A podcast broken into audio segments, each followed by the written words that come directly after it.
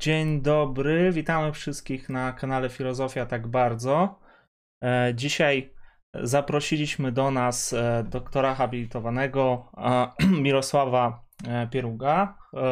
Pan profesor zajmuje się filozofią, filozofią, w ogóle jest adiunktem przede wszystkim na Uniwersytecie Śląskim, a jak wiecie, My jesteśmy studentami Uniwersytetu Śląskiego i tutaj y, są już takie powiązania pierwsze. Tak, najlepiej wyjść od matczynej tej tak. instytucji. Tak, tak.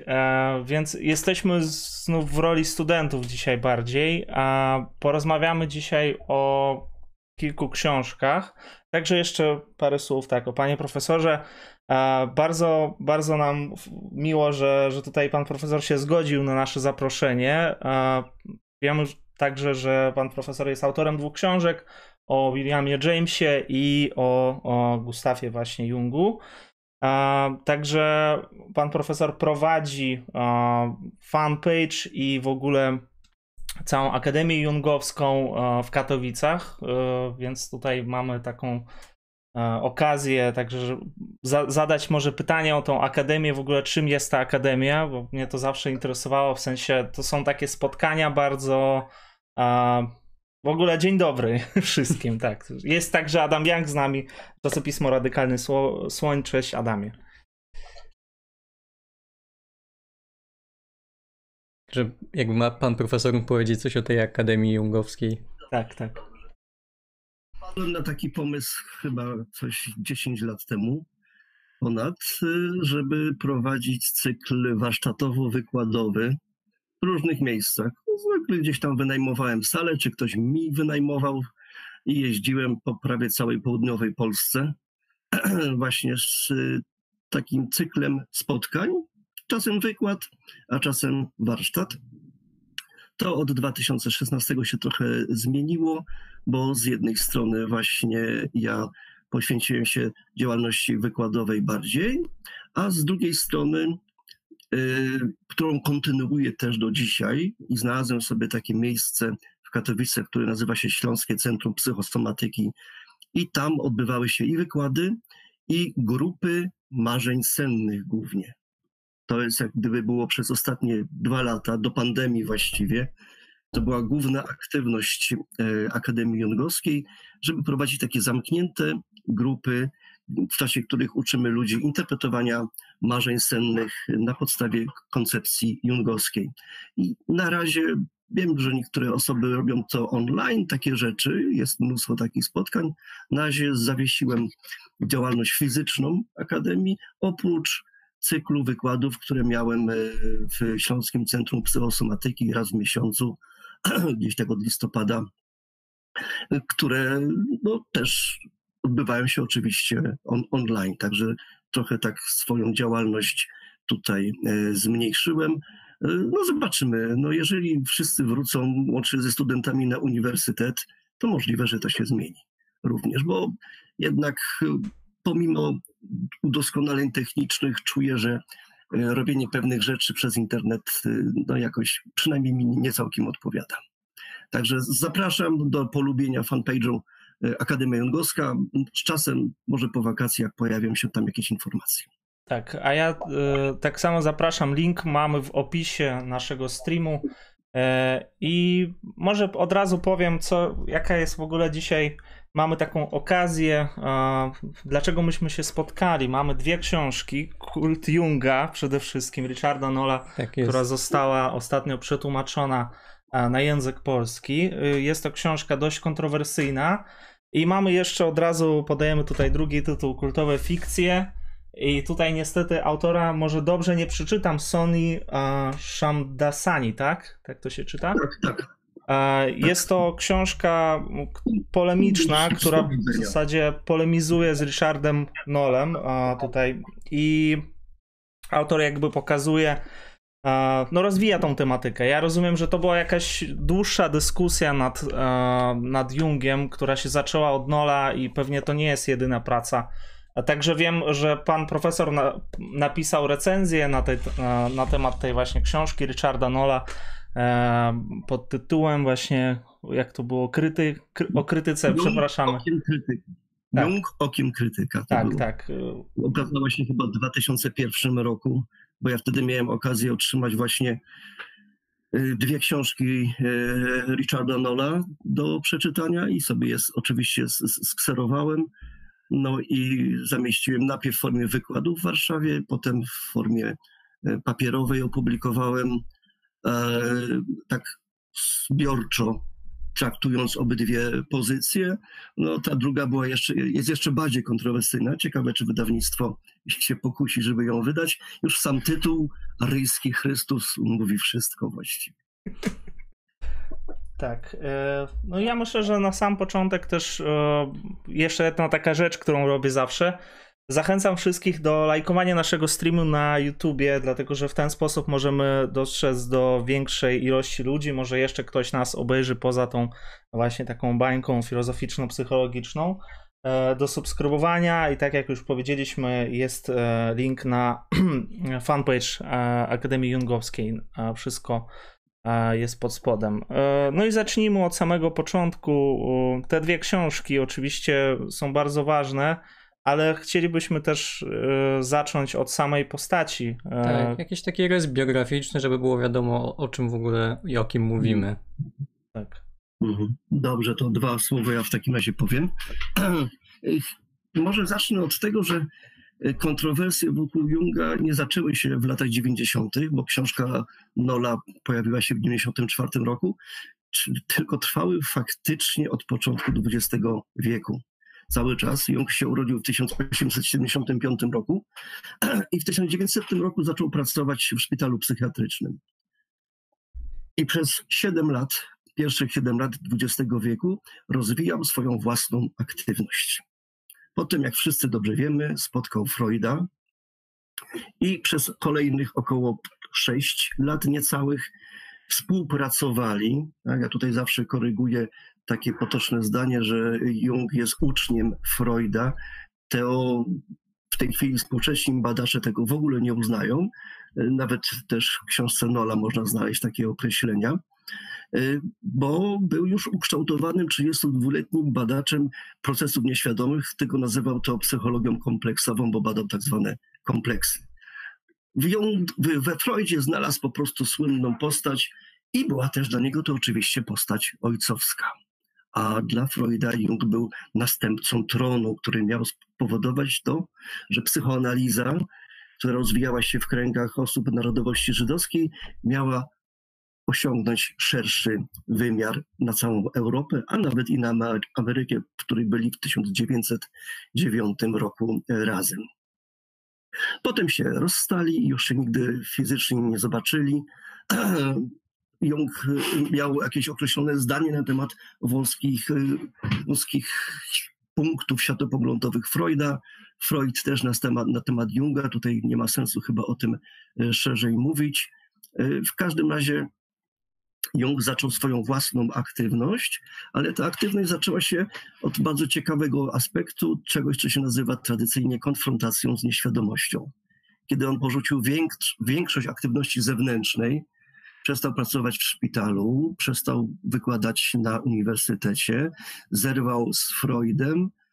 E, jedynie do, zachował sobie taką e, praktykę prywatną, chociaż też nie zawsze tutaj to robił. No i też można by bardzo długo o tym opowiadać, jak to wyglądało. W tej chwili mamy w języku polskim słynną Czerwoną Księgę, którą, która powstała w latach 1913-28. No i w tym momencie można sobie to przeczytać. Jest tam też wspaniały wstęp e, Szamdastaniego, także gorąco polecam, bo on jest e, najlepszym w tej chwili, jednym z najlepszych badaczy myśli jungowskiej, jakich mamy na świecie.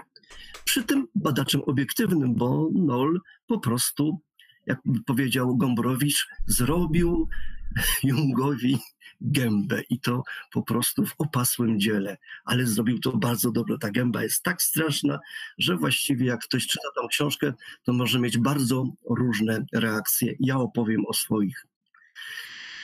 No i potem były kolejne też kontrowersje to o tym właśnie pisze też y, Noll, że Jung założył z jednej strony swoje własne stowarzyszenie analityczne, z drugiej strony coś, co było klubem psychologicznym i tutaj Noll się nad tym znęca, że to był właśnie obszar zwolenników, takich kultowców, którzy wierzyli w myśl Junga, co całkowicie y, tutaj demaskuje y, Shamdasani potem. No i przez cały okres swojego życia Jung zajmował się różnymi dziwnymi rzeczami, łącznie na przykład z alchemią, oczywiście w sensie symboliki alchemicznej, e, psychologią religii, e, też fizyką.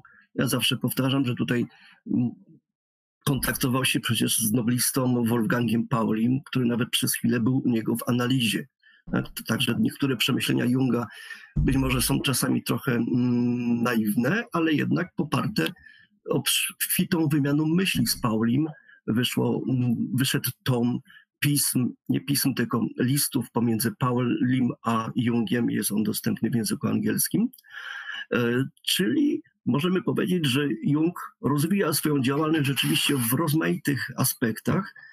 Noll mógłby się skupić też na przykład na e, tak zwanych konferencjach Ranosa, które odbywały się w Askonie od początku lat 30. Tylko, że tam Jung spotykał się z osobami, które były mu równe intelektualnie i duchowo, chociaż, jak mówią ci, którzy opisywali te spotkania, zawsze tam brylował.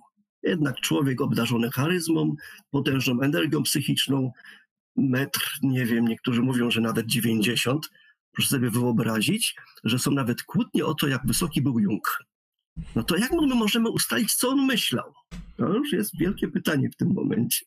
I każda interpretacja Junga jest bardzo kontrowersyjna, by można powiedzieć.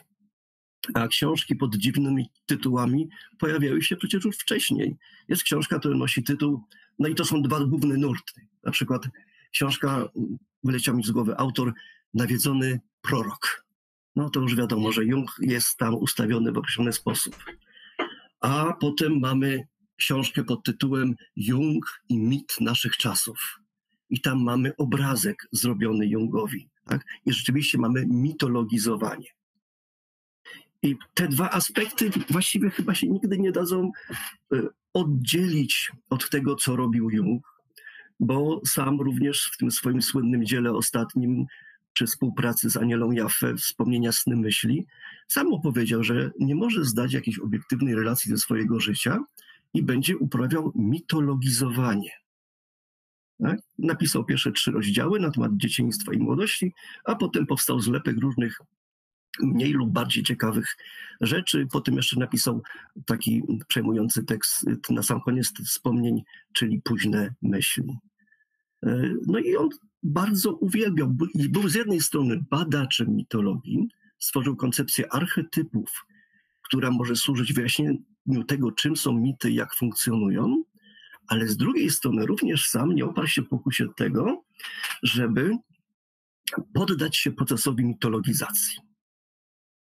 I właśnie ta, ten drugi aspekt jest wykorzystywany przez takie osoby jak e, Noll w tych swoich książkach, które no, są bardzo trudne do oceny, no bo rzeczywiście musielibyśmy oddzielić y, samego Junga od tego, jaki był jego obraz w oczach jego uczniów, szczególnie zresztą uczennic, tak zwanych Jungfrau. Taki piękny, piękny krąg. No, przez chwilę chciałem powiedzieć, pięknych kobiet, nie wszystkie były piękne. Ja kiedyś trafiłem na takie zdjęcie, prawda, tych pań już trochę w starszym wieku, no to nie zawsze, ale Toni Wolf na przykład była bardzo piękną osobą. No i bez wątpienia i te kobiety, i jego uczniowie, którzy specjalnie przyjeżdżali na przykład ze Stanów Zjednoczonych i lądowali w Zurichu, no to czuli się jak osoby inicjowane. Oto przyjeżdżają do guru Junga który gdzieś tam siedzi w swoim domu i przyjmuje, a w dodatku jeszcze ma samotnie nad jeziorem w Bollingen, gdzie już tylko bardzo, bardzo wybrane osoby zapraszą. No to rzeczywiście wygląda jak kult. Tak? Natomiast sam Jung próbował się spod tego wyrywać, ale wiadomo, że im jesteśmy starsi, tym jest to trudniejsze. Tak? I w końcu w 1948 roku założono Instytut Junga Tak? Instytut jego imienia, no zgodził się w końcu, bo był szczerze mówiąc już w podeszłym wieku i był schorowany po udarze i tak dalej. I w końcu pod tym wpływem społecznym, y, pod hasłem, żeby ten instytut przechował i rozwijał jego myśl, został on utworzony. Także właśnie tutaj, y, szczerze mówiąc, gdybym miał y, Nolowi przyznać czasem troszkę racji, to jest właśnie to, że on opisuje to, co działo się wokół Junga z czym Jung się niekoniecznie musiał zgadzać. Pewnie czasem się wkurzał i jak mawiał, jak dobrze, że nie jestem jungistą. To było jego ulubione powiedzenie. Natomiast to, że niektóre osoby wokół niego wytwarzały taką atmosferę, no to się z tym zgodzę. Y, ta druga książka, Shamdasaniego, tak, analizuje pewien tekst i pokazuje argumenty na rzecz tego, że ten tekst nie był tekstem Junga, który właśnie zakładał sektę w 1916 roku, tylko był tekstem jego y, dwóch y, zwolenniczek.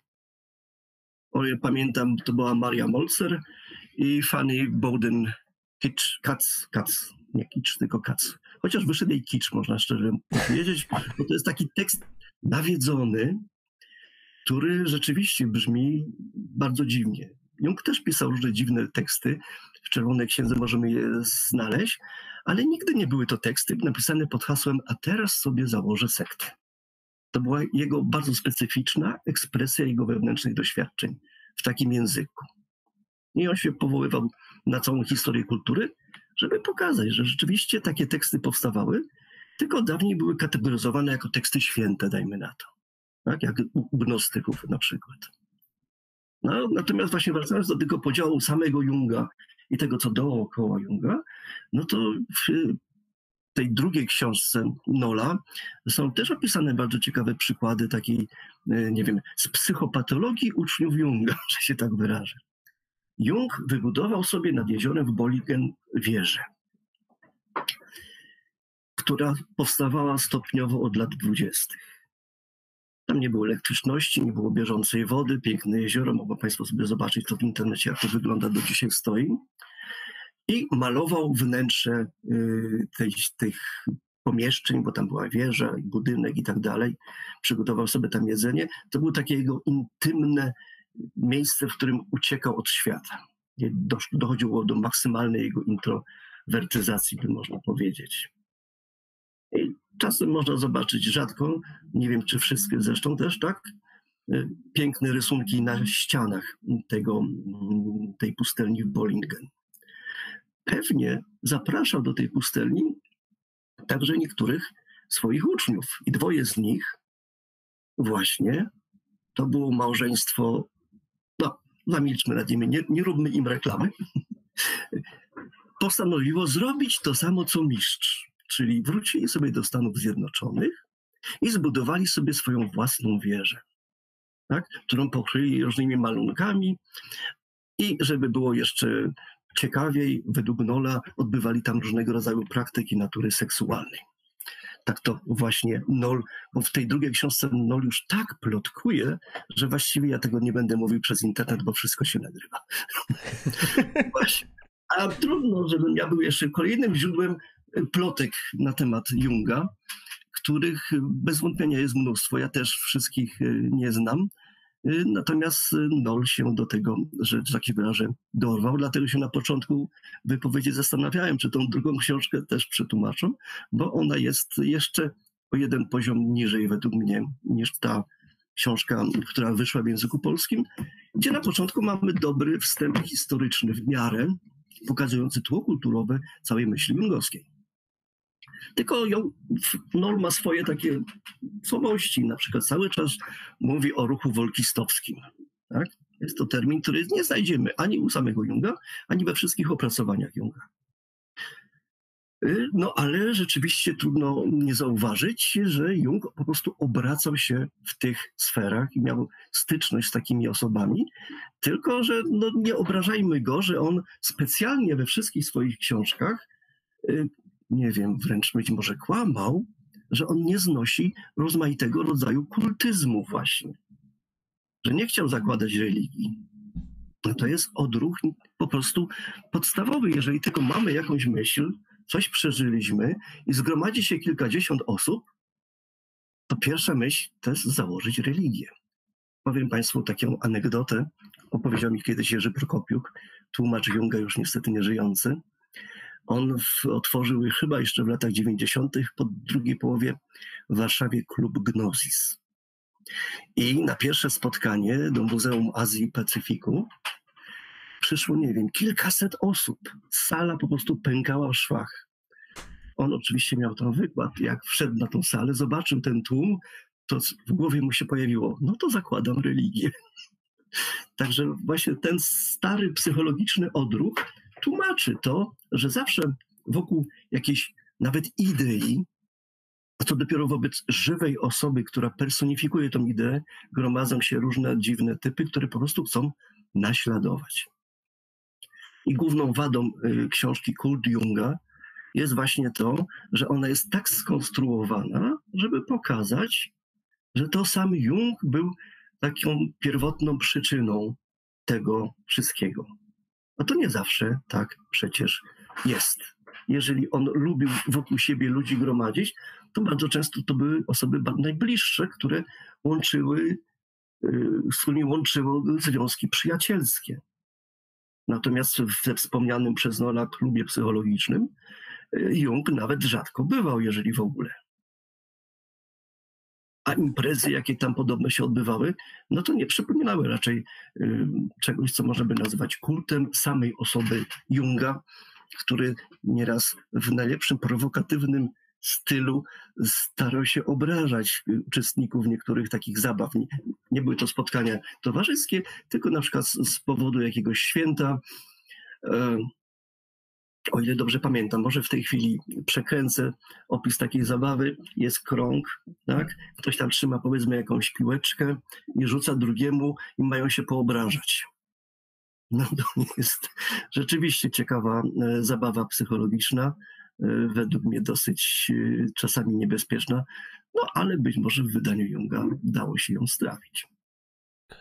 Byśmy też chcieli oddać głos jest jakiś pogłos, nie wiem. Jest jakiś pogłos.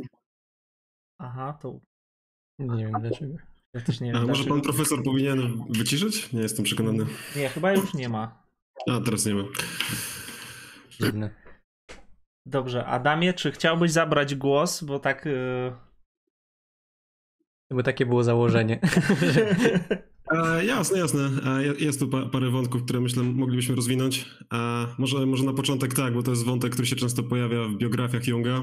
Jego wczesna, wczesne zainteresowania dotyczą zjawisk paranormalnych. Uczestniczy w czymś w rodzaju takich sesji mediumicznych, chyba dosyć popularnych na początku XX wieku, w które zaangażowana jest jego kuzynka. Jakby moje pytanie byłoby związane po pierwsze być może, żebyśmy, żeby pan profesor opowiedział nam trochę o tych zainteresowaniach tymi dziwnymi rzeczami Junga, właśnie o tych badaniach tych zjawisk nietypowych, paranormalnych, e, a po drugie o tym wątku z kuzynką, o którym można przeczytać różne dziwne rzeczy, między innymi, że tam był jakiś romans w tle. Nie jestem pewny, na ile to jest jakby umocowane tekstowo czy biograficzne. Kolejne plotki. A ja za przeproszeniem, ja zadam takie pytanie, które jest związane właściwie z tym, o czym Adam, Adam tutaj powiedział. Czy możemy no, możemy oczywiście mówić o, na przykład o Kancie, tam krytycznym, przedkrytycznym, o Wittgensteinie pierwszym, drugim, o Heideggerze, tam, z, który dokonał zwrotu później. Czy u Junga są też takie okresy, według których się ocenia jego twórczość? Czy raczej, tak jak tutaj Adam wspomniał, czy jest jakiś okres ezoteryczny, później freudowski i postfreudowski? Czy... Mhm. E, tutaj znaczy odpowiem najpierw pytanie na to pierwsze, tak? No, o co sobie poplotkujemy? Jest ulubione zajęcie, prawda? Jak mamy jakiegoś filozofa, to trzeba słyszeć o nim plotki. E, może to nie, na początek nie powiem o plotkach, e, dlatego że on rzeczywiście, jeszcze będąc studentem, przypominam, że był studentem medycyny, należał do towarzystwa studenckiego Zofinga i tam wygłaszał oczywiście na temat filozoficzne wykłady, ale też mówił o parapsychologii czy okultyzmie i, i różnych takich rzeczach, także to było jego bardzo wczesne zainteresowanie. I było na tyle mocne, że rzeczywiście pisząc pracę dyplomową już z psychiatrii, bo na ostatnim roku zaczął studiować psychiatrię, wziął materiał z tych właśnie sesji, które się odbywały, e, który opracował, starał się opracować w sposób maksymalnie naukowy, tak, odwołując się do dostępnych w tamtym czasie e, koncepcji psychologicznych, takich jak na przykład kryptomnezja.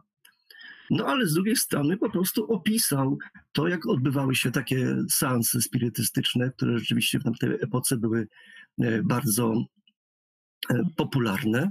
No i trzeba by tutaj jakiejś całkiem innej chyba dyskusji na temat coś takiego, że statusu ontologicznego takich zjawisk. Tak? możemy je całkowicie odrzucić, a możemy je zaakceptować chociażby jako zjawisko kulturowe. Że w pewnych okresach pewne rzeczy uchodziły za całkowicie realne i jeżeli na przykład alchemicy w XV, XVI, XVII wieku jeszcze szukali tego kamienia, żeby wytwarzać złoto, to spora część z nich była pewnie przekonana, że robią coś całkiem realnego. A sam Jung w swojej interpretacji alchemii stwierdził, że to jest tylko symbolika i psychologia. E, jaka była relacja pomiędzy kuzynką, e, młodziutką, piętnastolatką, a przystojnym, wysokim studentem? No to panowie sobie sami wytłumaczą. Proszę, panie Filipie, na przykład zapoznać przystojną, fajną piętnastolatkę i powiedzieć, że jest się studentem filozofii. Myślę, że jakiekolwiek wrażenie zostanie w tym momencie wywarte. Także tutaj możemy podejrzewać coś. Oczywiście nic poza jakimiś takimi być może ochami i achami y, nie było. E, I zostały te sensy bardzo szybko przerwane, ale na tyle y, były one trwały długo, że Jung mógł zdobyć materiał po prostu do swojej pracy dyplomowej na podstawie którego zatrudniono potem w szpitalu psychiatrycznym. Także w tym momencie trzeba podziwiać też i samych jego mm, promotorów, recenzentów i potem tego, który przyjmował go, czyli e, e, Bleuera, mhm. który był bardzo otwartym umysłem. A odpowiadając na to drugie pytanie, mm, różne, wyróżnia się różne okresy w rozwoju myśli Junga. Czasem się, można tak właśnie bardziej ideologicznie, że najpierw był bardziej ezoteryczny, no ale dlaczego nie był ezoteryczny pod koniec swojego życia, kiedy wymyślił synchroniczność? Tak? Tylko nadał ją inną formę. Y, a potem był bardziej freudowski na przykład i tak dalej, i tak dalej. Y, możliwe, że tak. Ja sam spotykałem różne tutaj określenia. Ważne jest, żeby się nie przywiązywać do Junga z jakiegoś określonego dzieła że on właściwie cały czas to rozwijał. Jak powiedziałem na początku, była to psychologia kompleksowa, związana z kompleksami. Potem wpadł na pomysł, żeby się odróżnić od Freuda, że będzie to psychologia analityczna. Tak? Potem w latach dwudziestych dalej poszukiwał i potem miał już bardzo silny, długotrwały do końca życia okres, który możemy nazwać alchemicznym. Wtedy już nie ma żadnej książki, w której nie byłyby jakieś terminy całe rozprawy na temat symboliki e, alchemicznej. Także ja bym tutaj tak, że był wczesny i późny Jung, to jest zbyt proste. Po prostu myślę, że był bardzo różnoraki Jung, cały czas zmienny. I gdybym miał tutaj tak metaforycznie się do tego odnieść, to Jung był bardzo protesz, był bardzo takim proteuszem cały czas, jak ktoś go próbuje chwycić, no to on się zmienia w coś innego. Stąd właśnie te rozmaite biografie i prace dotyczące książek Junga i powstawania psychologii.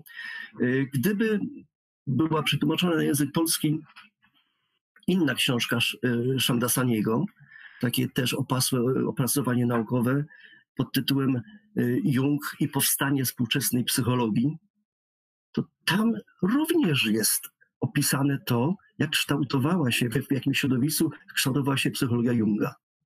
Tylko, że wrażenie z tej lektury mamy całkowicie odmienne niż lektury książek Nola. I to właśnie pokazuje tą proteuszową naturę i samego Junga zresztą, i myśli jungowskiej. Także go nie przeszpilimy. Dobrze, no to ja bym może Dobrze, też takie pytanie ja zadał. Pytanie zadał. Znowu jest jakiś pogłos. Nie wiem, czy mogę mówić, czy nie. Dobra, znaczy... chyba już mogę mówić. E, ja mam takie pytanie, no możemy to, jak już wspomnieliśmy o tym aryjskim Chrystusie, to może właśnie to jakoś szybko tam zdementujemy, nawiążemy do tego, mm, bo faktycznie mm, no chociażby Anto, Antony Storr mm, tam doszukiwał się u Junga różnych cech takiego guru właśnie, tam wymieniał, no, że wymieniał jakieś tam konkretne cechy, które on mógł przejawiać, no i mm, no ta identyfikacja, czy jakaś autoidentyfikacja Junga rzekoma, e, że miał, miałby się tutaj uważać za, za jakiegoś Boga, no wzięłaś też z konkretnego, e, no Nol to wyciągnął z jakiegoś konkretnego wydarzenia, tak? I próbuje to jakoś interpretować w ten sposób, że, mm, że Jung po prostu to, co mu się gdzieś tam pojawiło, że on to przyjął i zaakceptował. I Wydaje mi się, tutaj jest ten główny punkt takiej styczności mm, z tym, że nie można mu zarzucać właśnie jakiś, jakiś, jakiś kult.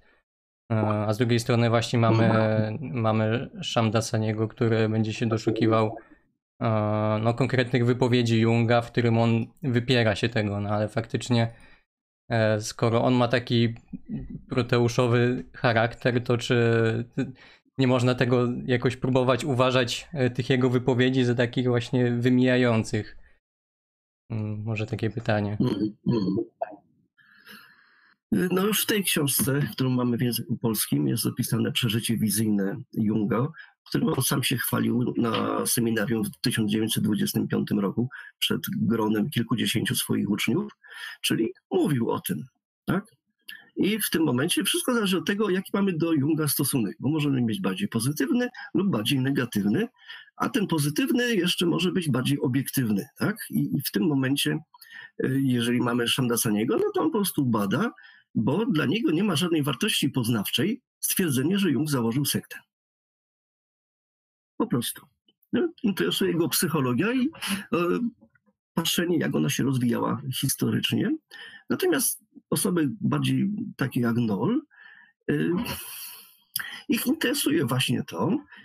Ja postawiłem w swojej recenzji taką hipotezę, która wynikła z lektury książki Nola, która w pewnym momencie tak napomyka dosyć niewyraźnie o tym, ale być może on był młodym człowiekiem, który przeczytał wspomnienia sny myśli i zachwycił się Jungiem, jako tą wspaniałą osobowością, no normalnie oświecony, który był w ciele, tak?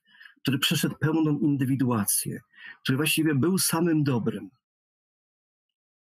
Potem pewnie zaczął badać dalej Junga. No i okazało się, że Jung robił różne rzeczy, miał różne pomysły i w końcu się zdegustował tym, co robił Jung i wypływa ta jego książka i ta druga książka po prostu z, według mnie z przyczyn dosyć osobistych. Nie wiem, ja nic takiego nie miałem, jeżeli tam kiedyś poznawałem Junga i potem czytałem różne książki o nim, y, okropne w sensie treści, czy okropne w sensie sposobu napisania, to nigdy nie miałem czegoś takiego, że się załamałem, że Jung jest taki, okro, taki okropny, a myślałem, że jest taki piękny. Pamiętam, że już w latach 90. Y, na jednej z konferencji pisma albo, albo Jerzy Prokopik miał wykład i też wspomniał o takim polskim młodym człowieku, który do niego przyszedł i właśnie chciał mieć gdzieś jakiś wykład i wspominał na tym wykładzie o tym, że Jung był wzorowym ojcem i mężem. No, polemizowałbym z tym drugim zwłaszcza, jeżeli związek pomiędzy Emmą Jung, Jungiem a Tony Wolf miał być wzorcem, no to tutaj nie zgadza się po prostu ze standardem kultury.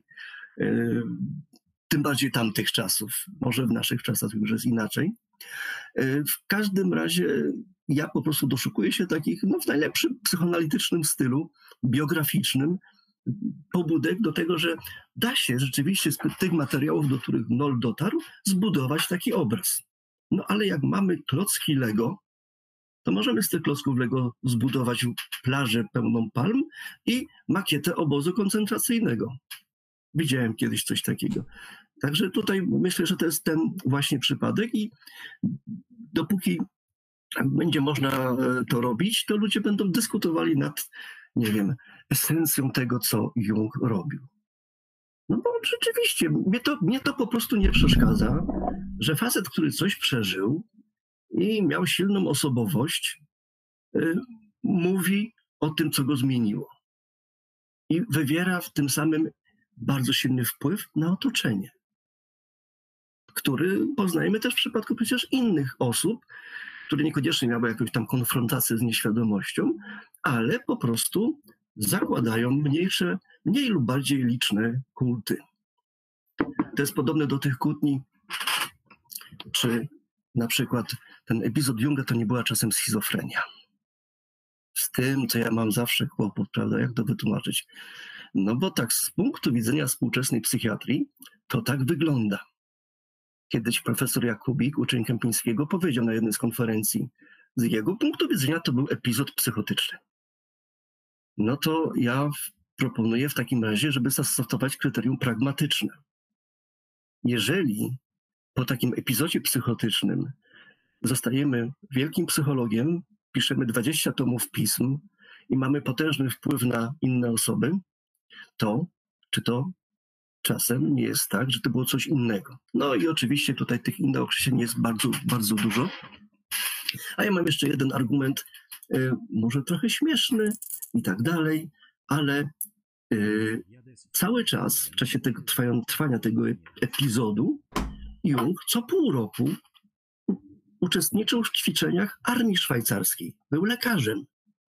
No to w tym momencie, jeżeli go wpuszczano tak, na ćwiczenia i zachowywałby się dziwnie, no to z Szwajcarami jest coś nie w porządku. Podejrzewam, że chodzi tutaj o taki podział na to, że Jung potrafił w pewnych sytuacjach przeżywać bardzo dziwne stany, ale wtedy na przykład zamykał się w swoim biurze, że się tak wyrażę, w swoim gabinecie i rozmawiał ze swoją animą, albo spacerował po ogrodzie i rozmawiał z Filemonem, a jak mu dali wezwanie na ćwiczenia wojskowe, no to nie rozmawiał w tym momencie z Filemonem, kiedy siedział obok niego jakiś chory żołnierz. I tylko tyle. Jeżeli mamy taką zdolność, to wtedy nie jesteśmy schizofrenikiem. Nie wiem, czy panowie kiedyś spotkali jakiegoś porządnego schizofrenika. No, ja kiedyś w dawnym klubie Belmer właśnie coś takiego spotkałem. Bardzo miły człowiek w takim długim płaszczu, który przysiadł się do stolika, starszy, z taką siwą brodą.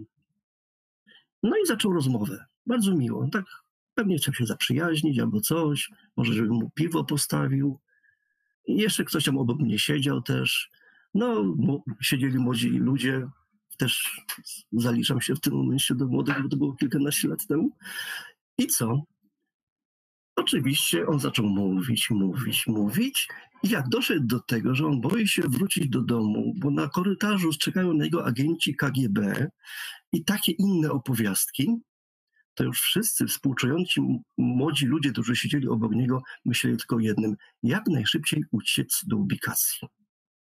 Bo straciliśmy kontakt, jak to mówiło się w czasach Junga, raport pomiędzy jego psychiką a naszą. Na początku wydawało się, że jest ok, a kiedy ja próbowałem coś rozmawiać, on dalej mówił swoje. Gdyby się Jung tak zachowywał, to myślę, że armia szwajcarska by z niego zrezygnowała. Natomiast on potrafił to oddzielić. I to jest bardzo, bardzo y, ciekawa umiejętność, bardzo rzadka. Natomiast treściowo, czy też materialnie, jego doświadczenia rzeczywiście psychiatra musiałby tak ocenić. Tylko, że potem schizofreników to my spotykamy na przykład w Rybniku. E, I wtedy oni się zachowują inaczej całkiem. Może też dobrze, że w czasach Junga nie było, e, nie wiem, środków, które by zgasiły te jego przeżycia. A on okazał się wystarczająco silną osobowością, żeby to go nie rozbiło. Tak bym powiedział mam nadzieję, że coś nie, nie ściemniłem chociażby. Ja tylko powiem, tak? w tej chwili ogląda nas 200 osób i zachęcam też do zadawania pytań. A my natomiast yy, jeszcze chcieli, znaczy ja chciałem zapytać, yy, rzeczywiście jakby możemy w ogóle przedstawić yy, tą tezę Nola, bo teza głównie co Nol zarzuca Jungowi to, że Jung podobnie stworzył tak wokół siebie kult, e, który polegał na tym, że założono organizację e, na pieniądze właśnie e, i tutaj, żeby się nie pomylić nazwiskami, pani McCormick? Nick. Tak. Tak, tak, tak, tak. I... Oj, sekundę. Dziękujemy bardzo za donate'a. A za poprzedniego.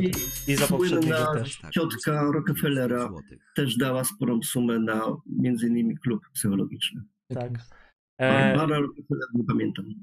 I jeszcze, no i właśnie, teza jest taka, że Jung pod przykrywką właśnie klubu psychologicznego utworzył jakiś kult, który miał służyć temu, żeby, no właśnie, żeby co, żeby jakby na czym, na czym miało to polegać, bo to też nie do końca jest jasne, e, czy on miał jakieś, czerpał korzyści finansowe, czy raczej chodziło o jakieś, e, nie wiem, tutaj, co, co, co, jaki, jaki mógłby mieć z tego interes hipotetycznie, bo to, to nie jest jasne, chociażby to. Druga rzecz jest taka, no, Shamdasani pokazuje właśnie e, chyba tak dość taki też sposób, że nie jest jasne, e, dlaczego ten klub został stworzony, że sami uczestnicy jakby z jednej strony chcieli, chcieli w nim dyskutować e, na tematy właśnie związane z psychologią analityczną, a inni chcieli, chcieli sobie odpoczywać po prostu w pensjonacie, tak, bo tam były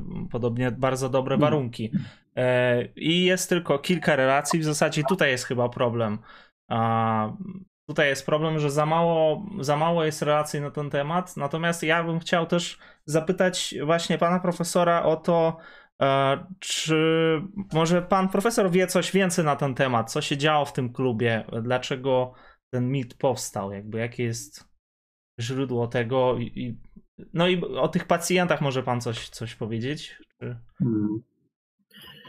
Y, to może zacznijmy po prostu od koncepcji Junga. W ramach jego koncepcji indywiduacja nie oznacza indywidualizmu i oddzielenia się od społeczeństwa. Według niego jednostka to się indywiduuje, może wreszcie po raz pierwszy naprawdę uczestniczyć w relacjach społecznych. Dlatego, że na przykład poznaje swój cień i nie projektuje go już na innych. I relacje są bardziej autentyczne bardziej prawdziwe, że już nie powiem o integracji animy czy animusa potem. I w tym klubie mieli uczestniczyć pacjenci w trakcie lub po analizie. Czyli rzeczywiście można powiedzieć tacy lepsi, nie? Niż tak. zwykli ludzie. Ale Jung chciał sprawdzić, czy rzeczywiście da się z takich ludzi zbudować jakąś społeczność. Bo jak dobrze wiemy, jak sobie zgromadzimy kilkudziesięciu przypadkowych ludzi i umieścimy ich w jakimś osobnym miejscu, gdzieś na jakiejś wyspie powiedzmy, to zaczynają się dziać najdziwniejsze rzeczy. Natomiast Jung chciał zobaczyć, czy da się stworzyć rzeczywiście jakąś, może tutaj też jest jakiś taki element utopijny, że to jest zdrowa społeczność. Nie wiem, tak, tak to Noll referuje, ale nie chodziło tutaj o stworzenie jakiejś takiej podobnej do opisywanej przez Nola społeczności w, w Askonie, gdzie mielibyśmy mieszankę różnych dziwnych koncepcji i, i, i zachowań, no tylko to, jest, to, było, to było maksymalnie burżujskie. To była willa w Zurichu, gdzie można było sobie się napić herbaty, zjeść ciastka i tak dalej. Może czasami były jakieś dziwne zabawy, o których mówiłem, ale to było wyjątkowe. Ja też nie, nie słyszałem o jakichś tam wyjątkowych ekscesach i bez wątpienia z, z klubu psychologicznego Jung nie miał większego pożytku poza potencjalnie poznawczym.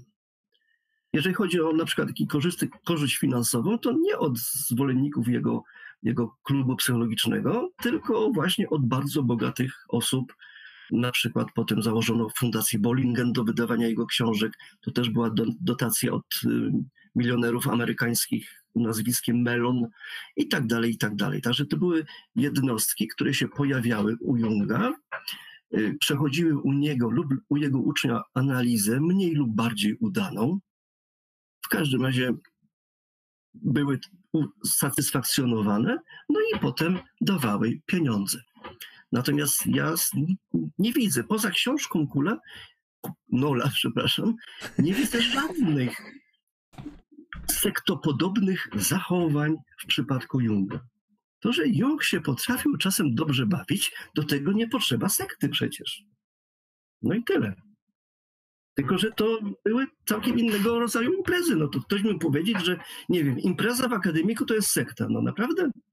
No raczej, raczej nie. Mimo, że tam mogą być dziwne zachowania, bardzo dziwne rozmowy, jeżeli tam są filozofowie i, i mogą się dać różne inne jeszcze rzeczy. Tak więc tutaj na pytanie, jakie byłyby korzyści, nie wiem, nie wiem. Może ktoś z Państwa wie, może ktoś chciałby założyć taką sektę od razu, Natomiast ja powiem Państwu coś z, z, od siebie, nie? Bo ja miałem podobny odruch jak Prokopiuk, tylko nie na jakimś wykładzie, gdzie przyszło dużo osób, tylko nie? jak dorwałem w 90, nie, w 2000 roku tą książkę Nola, no to czytam, wykurczę zupełnie inne podejście. I tak czytam, czytam i to był taki pierwszy impact, że kurczę, no, to rzeczywiście mogłaby być sekta, nie? I wtedy mamy zawsze w tylu taki diabelski głosik, a może ty też to zrobisz? to jest jedyny pożytek z książki Nola i jego wizji, że zakładamy sektę. Bo w takim razie zakładamy sektę filozofia tak bardzo. E, dobrze, ale.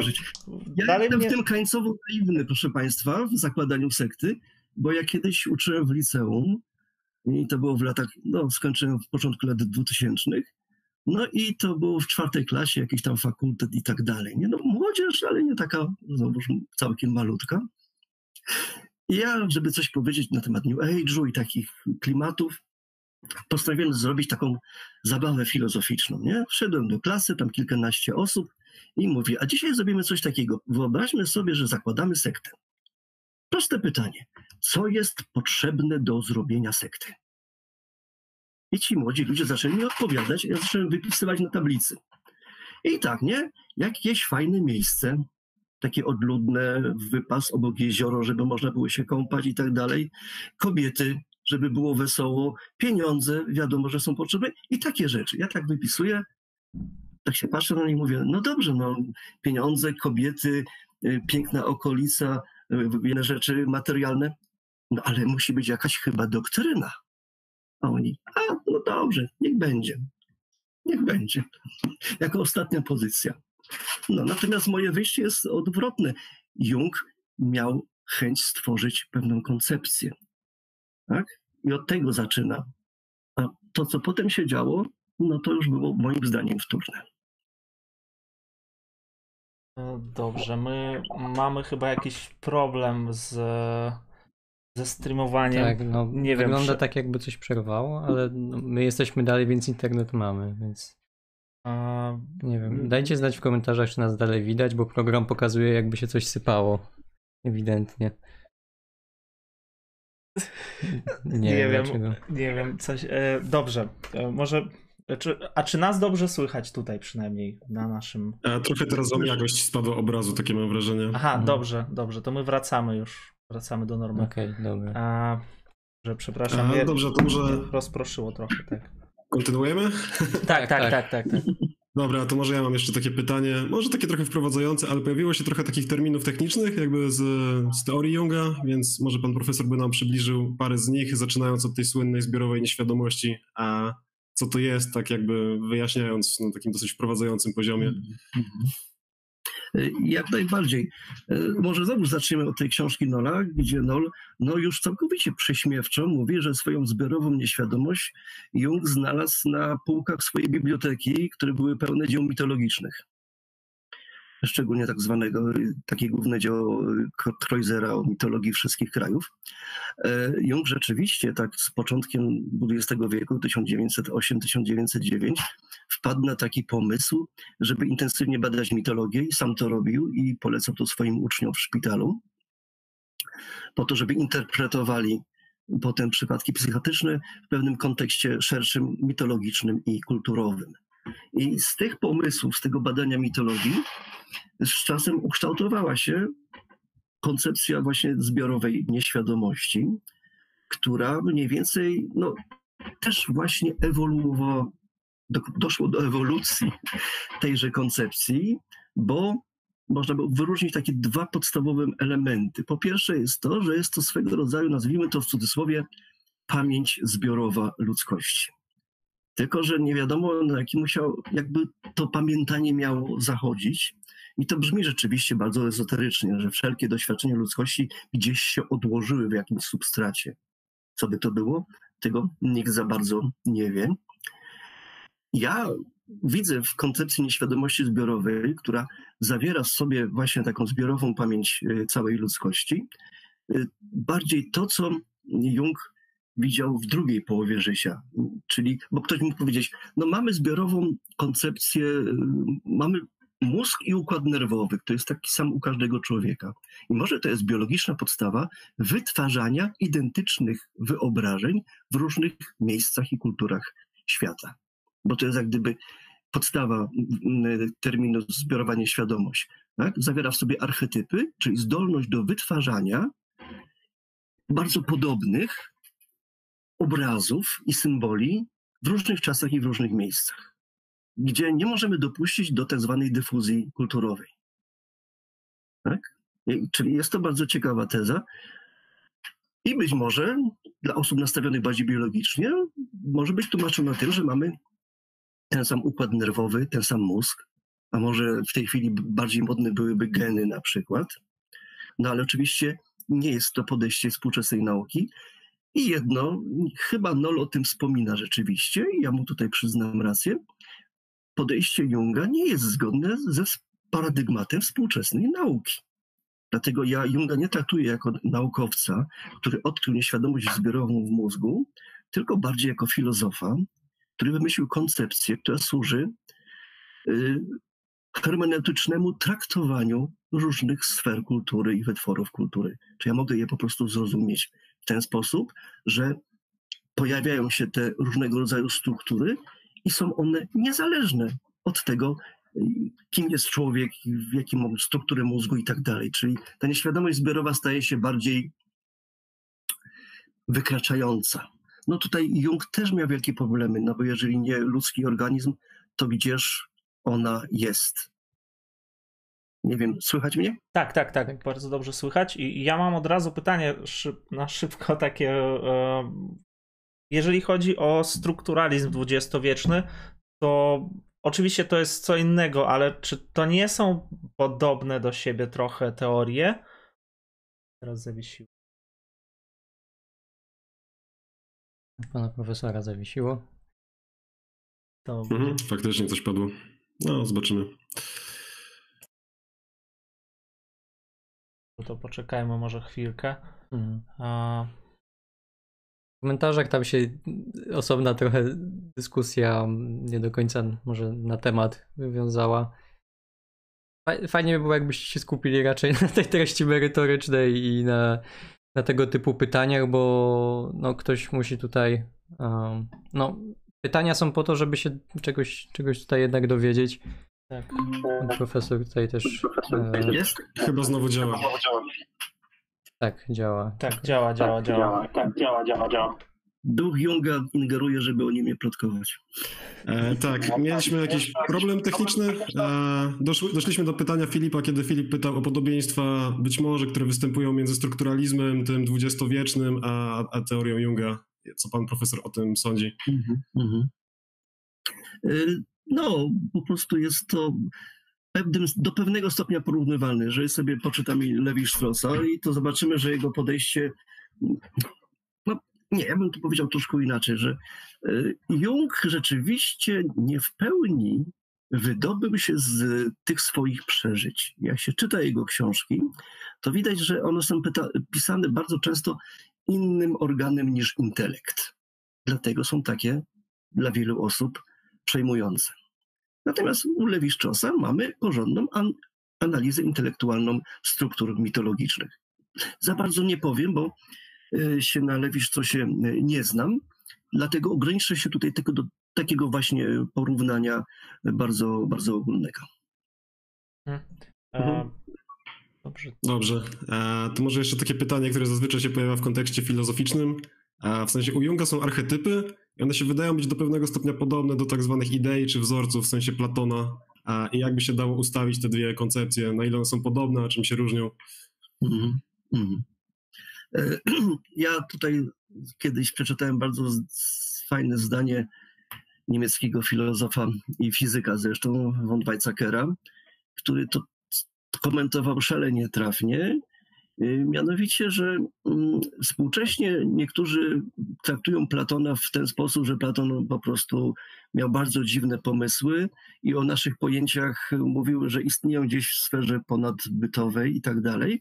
W tym sensie Jung był o wiele lepszym platonikiem niż ci współcześni interpretatorzy Planta, Kanta, Platona, przepraszam, już mi, już mi się myli, e, że on tylko hipostazował nasze pojęcia. Tak? Dla Junga jeszcze archetyp ma element emocjonalny, jak my go przeżywamy, choćby on był na przykład w postaci jakiegoś symbolu sennego, no to może na nas wywrzeć bardzo silne wrażenie.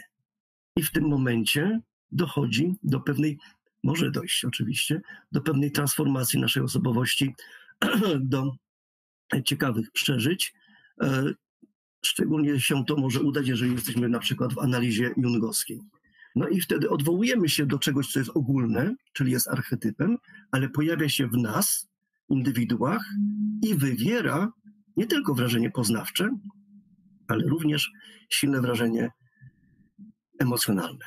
I to byłaby taka podstawowa różnica. Nie wiem, nie wiem jak Platon przeżywał ideę. Możliwe, że również bardzo ciekawie. W każdym razie mm, no, skąpo, ale czasami się y, Jung odwoływał do podejścia platońskiego, no ale po prostu podobnie, o, podobnie jak nie chciał być posądzony o to, że jest założycielem kultu, tak samo nie chciał być posądzony o to, że jest filozofem. I dlatego właśnie mm, powiedział kiedyś, że używa filozofii w takim bardzo wąskim zakresie.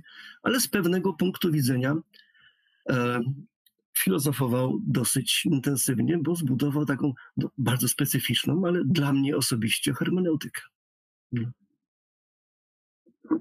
Okej, okay, no to, okay, no to ja mam takie ja pytanie, mam takie też, pytanie e, idąc może tym tropem e, zarzutów Nola, jakie się, jakie się pojawiały, on tam mu między innymi e, właśnie zarzuca jakieś takie próby powrotu do tych e, tej pogańskiej mitologii e, właśnie jakby to miałoby stanowić jakiś taki e, takie głębsze, głębsze wewnętrzne korzenie, które zostały, to jest też taka, taki zarzut trochę taka interpretacja trochę, bym powiedział, jakiś na podłożu takim cywilizacyjnym wręcz, że e, na to zostało narzucone ca całe te chrześcijaństwo, które zaczęło nam przysłaniać właśnie jakieś głębsze, głębsze, głębsze pokłady i, i zadaniem by było rzekomo gdzieś tam dokopanie się do nich. Dla mnie to brzmi trochę tak właśnie jak taka swoista, nie wiem, anamneza platońska, nie, nie, takie mhm. odebrałem wrażenie po prostu czytając tego Nola, że on coś takiego próbuje mu tutaj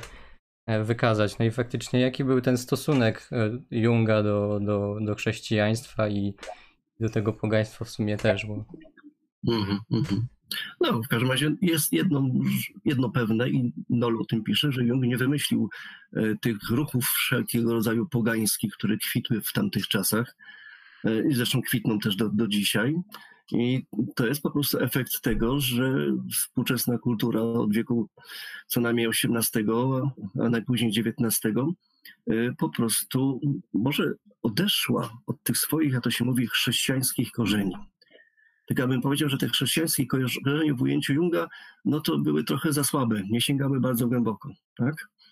Jest takie powiedzenie metaforyczne Junga, że każde drzewo, które ma wzrosnąć do nieba, musi korzeniami sięgać piekieł. No to takie drzewo chrześcijaństwa jednak dla niego nie było. I dlatego właśnie było tylko pewną warstwą w, w psychice. No tutaj jest pewien model, może, można powiedzieć dosyć gruby i Nol się go silnie czepia, że mamy taką, prawda, metaforykę nawet górniczą wręcz, prawda, że są różne warstwy jak w geologii, czy geologiczną metaforykę i im idziemy głębiej, tym jesteśmy bliżej tej powszechnych archetypów, a wcześniej są jakieś na, narody, potem są jakieś klany, potem jest rodzina najbliższa i potem jest indywiduum. Taka chyba nawet rysunek tam jest, tam jest obecny. No to oczywiście jest to bardzo gruba metaforyka, ja się z tym zgadzam, y, którą Jung też w pełni sam nie wymyślił, to też Nol pokazuje. Y, no ale potem sam Jung nie zmienił zdania w tej sferze, już nie, nie używał tego porównania. Jest ono obecne w książce, którą napisała jego uczennica Jolanda Jakobi na przykład, w 1939 roku Psychologia Junga. Natomiast y, jego stosunek do chrześcijaństwa się nie zmienił. I tutaj znowuż jest wielki obszar do dyskusji, bo ciągle się pytają ludzie, czy on był chrześcijaninem, czy on nie był chrześcijaninem. No to ja bym najchętniej odpowiedział, no był dziwnym chrześcijaninem. Bo jeżeli przez chrześcijaństwo rozumiemy przynależność do pewnej denominacji, to on był członkiem formalnym jakiegoś tam kościoła w Szwajcarii, protestanckiego. No jak wiadomo, jego ojciec był protestanckim pastorem, ale jeżeli, i to jest, ale to jest formalnie, prawda? Natomiast jeżeli chodzi o treściowo, no to w tym momencie Jung głęboko transformował doświadczenie chrześcijańskie. I dlatego, jeżeli mu na przykład Martin Buber zarzuca, że był gnostykiem, no to no, no był, no. Jak można komuś zarzucać, to aby komuś zarzucać, że jest murzynem na przykład, no, no to jest rasizm w tym momencie. No po prostu Buberowi się to nie podobało, natomiast y, bardzo wiele osób i y, na Zachodzie i w Polsce cały czas są dzieła dotyczące gnostycznego Junga na przykład. Jerzy Prokopiuk zareklamował Junga w Polsce jako gnostyka XX wieku. Ja napisałem kiedyś w Hermionie tekst w którym widziałem Junga jako hermetyka, czyli to też jest przecież forma gnozy. Ja po prostu nie widzę nic w tym określeniu pejoratywnego, no bo nie jestem ani jakimś wyznaniowym Żydem, ani protestantem, ani nie jestem y, chrześcijaninem. Po prostu jest to dla mnie pewna forma opisu. No, gnoza była pewnym ruchem kulturowym y, w początkach naszej ery. Miała swoich przedstawicieli, mieli oni jakieś pomysły no to niby dlaczego w XX wieku nie mógł się pojawić ktoś, kto ma podobną intuicję wobec rzeczywistości, tylko wyraża ją w innym języku, gnostycy w języku religijnym, no bo takie były czasy, a po dwóch tysiącach lat prawie Jung znalazł język psychologiczny. Na początku to oczywiście było, była e, psychoanaliza Freuda, ale od 1915 lat tak, tworzy swój własny język, żeby wyrazić te swoje podstawowe intuicje. Być może nawet gdyby nie spotkał Freuda, gdyby Freud nie istniał, to też Jung był, był Jungiem, tylko używałby troszkę innego języka na początku, e, no bo on bardzo dużo zaczerpnął od francuskiego psychologa e, Pierre'a Jeanetta na przykład. I też można powiedzieć, że on był po, po bardziej na początku swojej twórczości, no ale potem spotkał Junga, Freuda można by Freudowi zarzucać, że był taką osobowością charyzmatyczną i przyciągnął do siebie biednego Junga i jeszcze całą grupę curychską, dajmy na to. No. Tyle miałbym tutaj do powiedzenia. Że jak zaczęliśmy mówić już o chrześcijaństwie, to też e, kolejny zarzut, który Noel stawia, a to są tak zwane i tutaj e, dzięki właśnie recenzji e, pana profesora zwróciłem na to uwagę, zarzuca mu jakieś kulty nitrzańskie albo religię nitrzańską, coś takiego. Natomiast na co pan profesor zwrócił uwagę, że Jung czytał, e, no tutaj bezpośrednio czytał niczego. E, I oczywiście my robiliśmy po prostu streamy o niczym, więc to jest wszystko tutaj powiązane. E, pytanie jest takie, jaki wpływ wywarła właśnie filozofia niczego E, na Junga. Czy rzeczywiście jest coś takiego jak religia nitrzańska? Czy to nie jest to samo, co się zarzuca ateistom, że mają jakąś religię ateistyczną? Aha, nie wiem, no to trzeba by poszperać po internecie, wrzucić hasło po polsku, po angielsku, religia niczańska. Może jest jakaś taka grupa, nie? Są to ostatecznie kościoły gnostyckie w różnych miejscach, w Stanach Zjednoczonych i tak dalej. Po prostu, jeżeli ktoś ma i trochę pieniędzy, jak już powiedziałem, ładny dom i jakiś pomysł, to może założyć kościół. Nie? I będzie zwolniony od podatku. No, bardzo dobrze.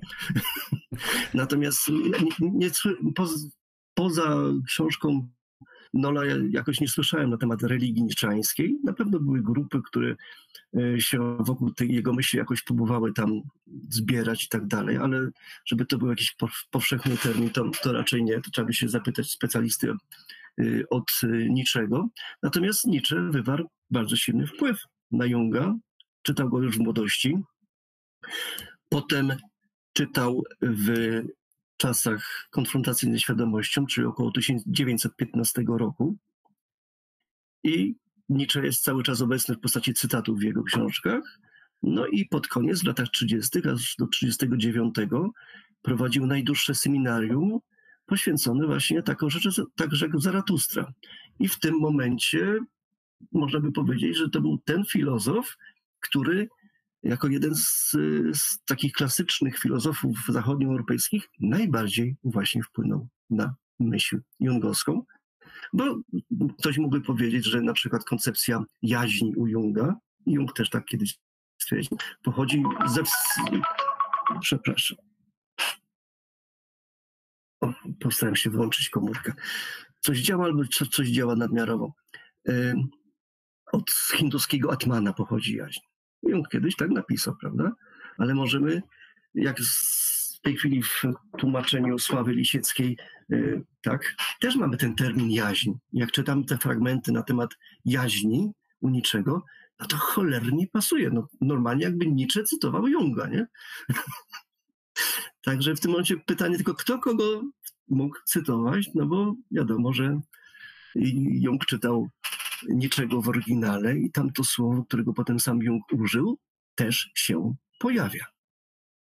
I w podobnych kontekstach bardzo. Także no oczywiście też możemy tutaj pokazać, że y, sam Jung kiedyś, tylko nie wiem jak to określić, no nie oskarżył, nie, tylko tak to było dla mnie jakaś chyba rodzaj metafory, bo mi wiadomo, sam niczym nie założył osobiście żadnej religii. Hmm? Coś panowie o tym wiedzą? Za swojego życia? No nie, no właśnie, nie? Chociaż pod koniec życia utożsamiał się z Dionizosem. Tak, ale to do kultu musi być fajne mieszkanie, pieniądze, kobiety i tak dalej. Koncepcję już miał. Y, to w takim razie, proszę Państwa, y, jest takie określenie y, Junga, że jak to nie pamiętam dokładnie, że Nietzsche był twórcą takiej Ewangelii ziemskiej. Tak? Że on, ja to kiedyś napisałem dawno temu taki tekst dotyczący niczego i, cia, i cielesności, i tam właśnie to, to ująłem, że był takim ziemskim prorokiem. Tak? Prorocy zawsze uczą o transcendencji, o niebie i tak dalej.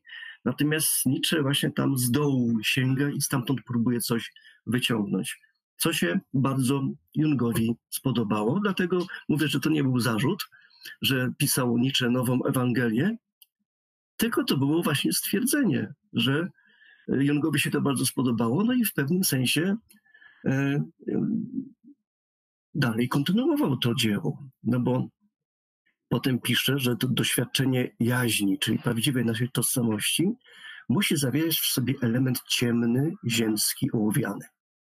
Tak? Czyli coś takiego, co jest w nas, a co nie jest tylko jasne, niebiańskie, dobre. Jaźń to jest jedność przeciwieństw. A przeciwieństwa to na przykład dobro i zło, jasność i ciemność. I w tym momencie dopiero ta pełnia dla Junga jest czymś, do czego warto dążyć, a nie ascetyczna doskonałość, tylko sięgająca transcendencji, która oczywiście nie jest możliwa.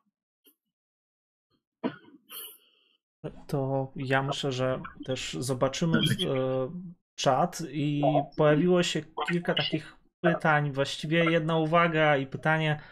E, jeżeli chodzi o jakieś e, tutaj podejście naukowe, bo najpierw tutaj padło stwierdzenie, że mamy XXI wiek, nauka już dawno wyparła jego idee, zresztą ukradzione od inspiracji innych, a później pytanie jest, co zostaje, jeśli potraktować y, Junga stricte naukowo? Czy możemy wyłonić prawdy naukowe z jego działalności i twórczości? Marysia Stelmach. Właściwie mhm. jakie są relacje pomiędzy nauką? Ja wiem, że też e, pan profesor ma bardzo świetny wykład na temat e, właśnie fizyki kwantowej tutaj i, i Junga na YouTubie, także bardzo polecam. E, może to jest jakaś też odpowiedź, ale pytanie właśnie. Znaczy, nie, trudno dużo mówić, ale ja znam parę książek, które próbują y, na przykład osadzać myślenie o archetypach w jakichś strukturach biologicznych człowieka, czyli w kontekście współczesnej nauki.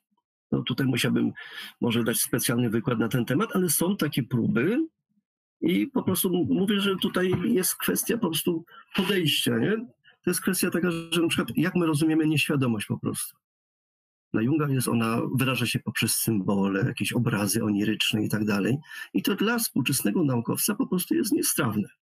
Ja kiedyś coś mówiłem w jakimś miejscu o nieświadomości i tam było paru kognitywistów i od razu było pierwsze zastrzeżenie, że ale to i ktoś mówił o nieświadomości i pierwsze słowa jego wykładu, ale to nie ma nic wspólnego z Jungiem. No to ja się w tym momencie rzeczywiście zgodzę, że jest inne rozumienie, ale nieświadomość też jest obecna w wielu innych y, koncepcjach.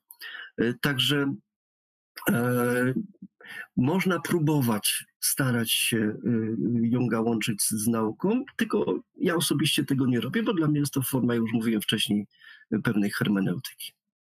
Nie wiem, czy, tam, czy jeszcze tam coś było dalej w tym pytaniu? nie, właściwie to, to całe pytanie przeczytałem. Mhm. Także też zachęcamy do zadawania pytań. E, dobra, e, możemy przejść e, do. A, może tak, jeszcze taka rzecz, która wydaje mi się, że byłoby dobrze, by padła. Pytanie takie o charakterze ogólnym. Załóżmy, że kogoś zainteresuje twórczość Karla Gustawa Junga. Jaką książkę polecałby pan profesor na start z samej twórczości Junga i może jakieś opracowanie, tak nie wiem, z dwie, trzy pozycje? Mm -hmm. Tylko nie Richarda Nola. To, to później, ani, ani nie wiem, to słynne dzieło o alchemii Mysterium Conjunctionis, jako, gdyby ktoś jako pierwszy zaczął czytać, to by po prostu, mówiąc kolokwialnie, odpadł. E, jest taka książeczka samego Junga, gdyby ktoś chciał poczytać, kiedy on próbował jedyny raz w swoim życiu mówić o swojej koncepcji w sposób rozsądny, bo w słynnej psychiatrycznej klinice w Tavistock w Londynie, gdzie miał bardzo bogatą i e, utytułowaną publikę, nie byli to laicy, tylko właśnie psychologowie i psychiatrzy. I tam w tym dziele pod tytułem Podstawy psychologii analitycznej, pod tytuł Wykłady tawistockie, mamy coś, co, do czego sam Jung się zmusił, czyli w miarę, można powiedzieć, poukładany, bardziej z intelektu, wykład jego koncepcji. Tak, natomiast jeżeli chodzi o jakieś opracowanie y, dzieła Junga, Y, no to dalej pozostaje y, książka Jolandy, Jakobi, czyli Psychologia C.G. Junga, jako takie wprowadzenie.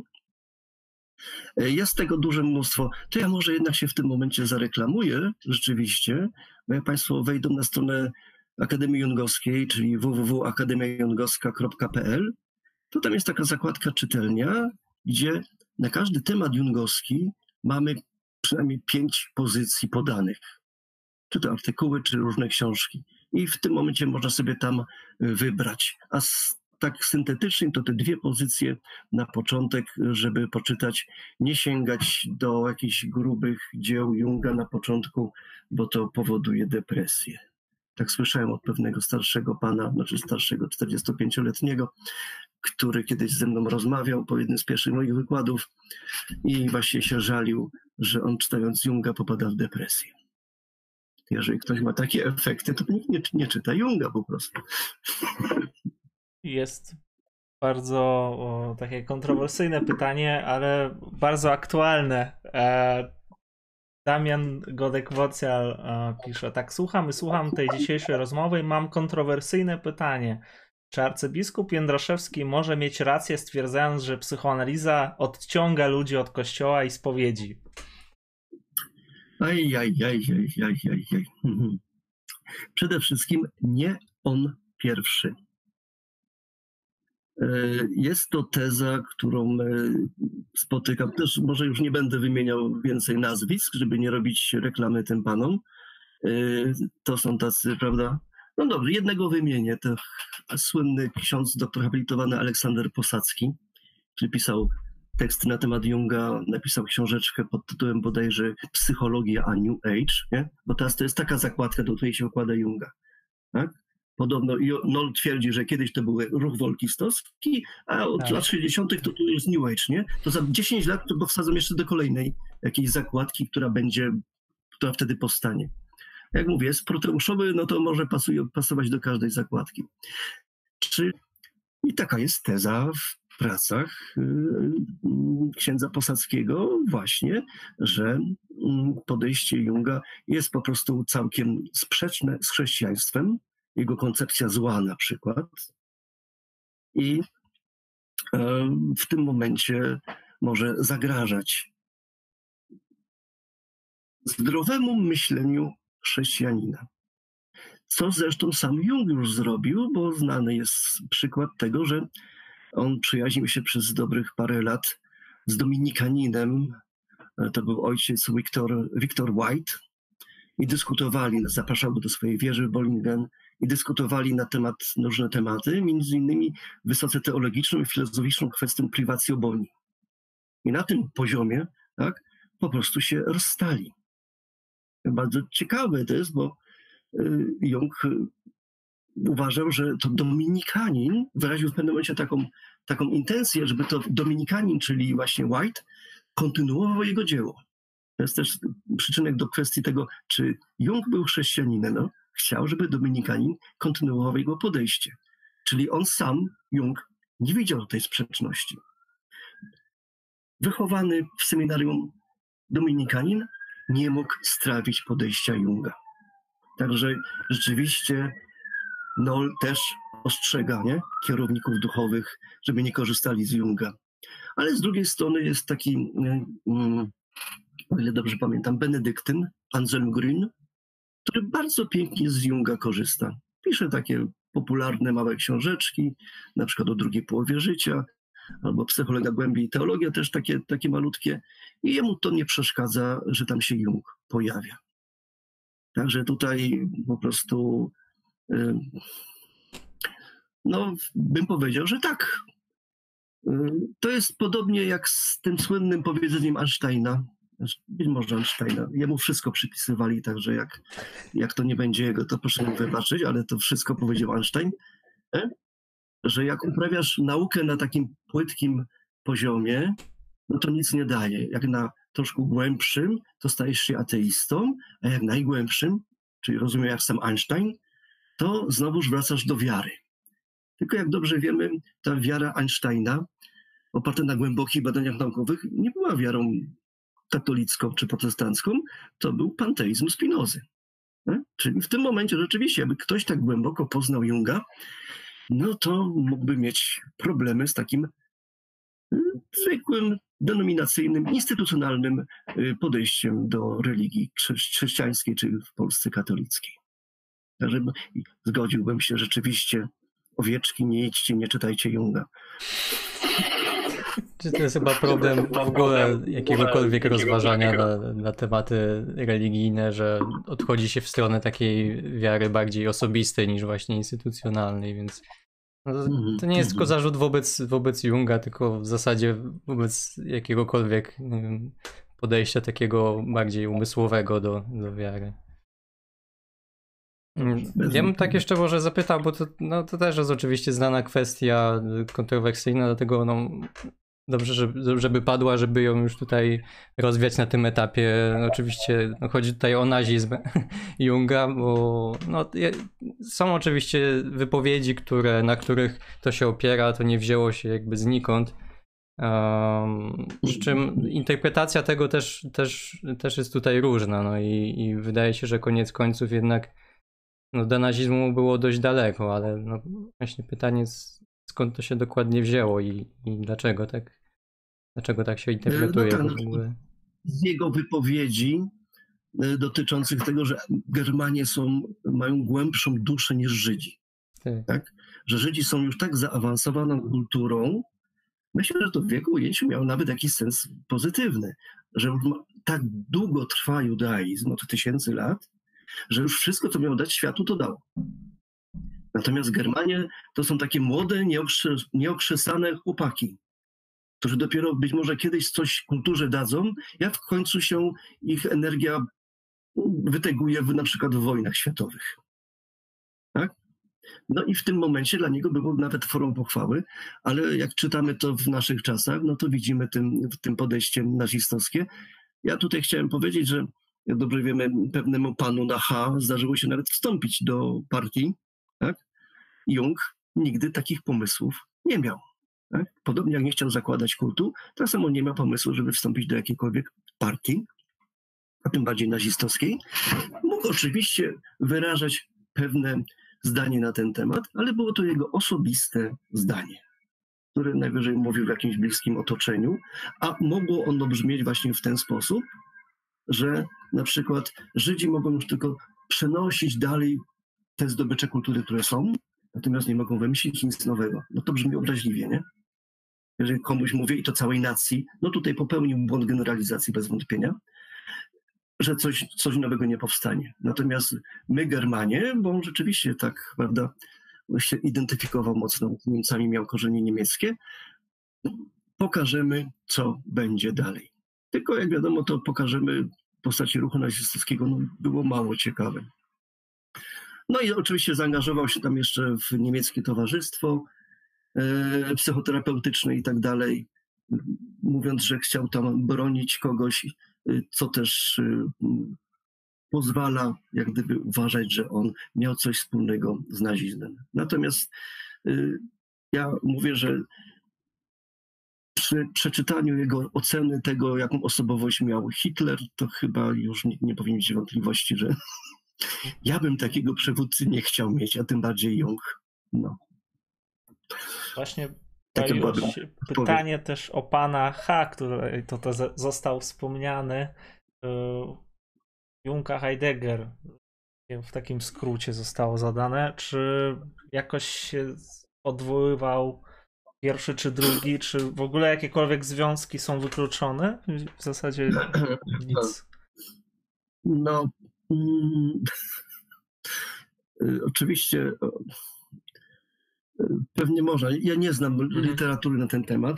Pewnie można znaleźć teksty na temat łączące Junga i Heideggera, akurat nie czytałem, ale wiem, że wszystko Junga można połączyć z różnymi rzeczami. Ja kiedyś nawet widziałem artykuł y, Junga Psychologia Analityczna. Dobrze, że był po, po czesku, to nie przeczytałem w takim razie. E, jakie są związki? Nie widzę osobiście żadnych, y, choćby dlatego, że Jung w jednym ze swoich listów wspomniał o Heideggerze. No, ktoś go zapytał o filozofię współczesną i mu się chyba po prostu tak, y, tak emocjonalnie zaczął odpowiadać na temat różnych poglądów. Stwierdził, że Heidegger to po prostu jest neurotyk. Także w tym momencie może, może, to brzmi tak czy inaczej. Zwolenników Heideggera proszę, żeby się nie obrażali. Każdy ma swoje zdanie na każdy temat, na temat każdej filozofii. Ktoś może uważać, że na przykład e, Roman Ingarden był jednym z największych prawda, filozofów polskich i tak dalej, a jest taka opowieść, że pewien filozof ze szkoły lwowsko-warszawskiej, jak się pojawił w Krakowie. No to pan zna pan, panie Filipie, tą opowieść? Znaczy kojarzę, ale nie, nie pamiętam wszystkich szczegółów, ale no, coś ja powiedział nie, nie, nieżyczliwego. No, nie pamiętam nazwiska tego profesora, nie? ale jak mył ręce gdzieś tam na korytarzu na ujocie, to powiedział, nawet woda stała się tutaj mętna, odkąd ten Garden się pojawił. Nie? Chyba Ajdukiewicz odpowiada za anegdotkę, ale tak nie, nie jestem na 100% pewny. A, może z takich pytań... Oceniające. Tro, trochę mhm. wracając, bo u Junga jest też seria takich inspiracji, powiedzmy, nie wiem, wschodnich czy orientalnych. Napisał wprowadzenie do buddyzmu Zen Suzukiego. Może to też byłby wątek, który warto by poruszyć, a na ile, a nie wiem, Jung czyta tych autorów nie wiem, taoistycznych, buddyjskich, hinduskich i co jakby, co ich u niego interesuje, co, co może od nich przejmuje, czy tam czym się inspiruje. O, tak, jak, jak najbardziej czytał, starał się czytać. E, tylko ja zawsze mówię, że on nie był filologiem i czytał tylko przekłady angielskie, które były bardzo różne, e, czasem bardzo złe, bo to były początki zainteresowań tym wszystkim. I ja właśnie miałem ostatnio cykl wykładów, które być może gdzieś tam są też jeszcze dostępne w internecie, bo ja dostawałem linka e, dotyczącego właśnie Junga taoizmu, Junga yogi kundalini czy Junga buddyzmu. E, I tutaj może powtórzę to, co mówiłem na początku prawie każdego z tych wykładów. Może osoby, które mnie słuchają, tam nie były i nie odsłuchały jakichś innych rzeczy, że Jung po prostu szukał w tych koncepcjach wschodnich potwierdzenia swoich własnych idei. Także jeżeli czytamy to, co pisał Jung w buddyzmie na przykład, no to raczej dowiemy się więcej o samym Jungu, a prawie nic na temat buddyzmu, na przykład buddyzmu tybetańskiego.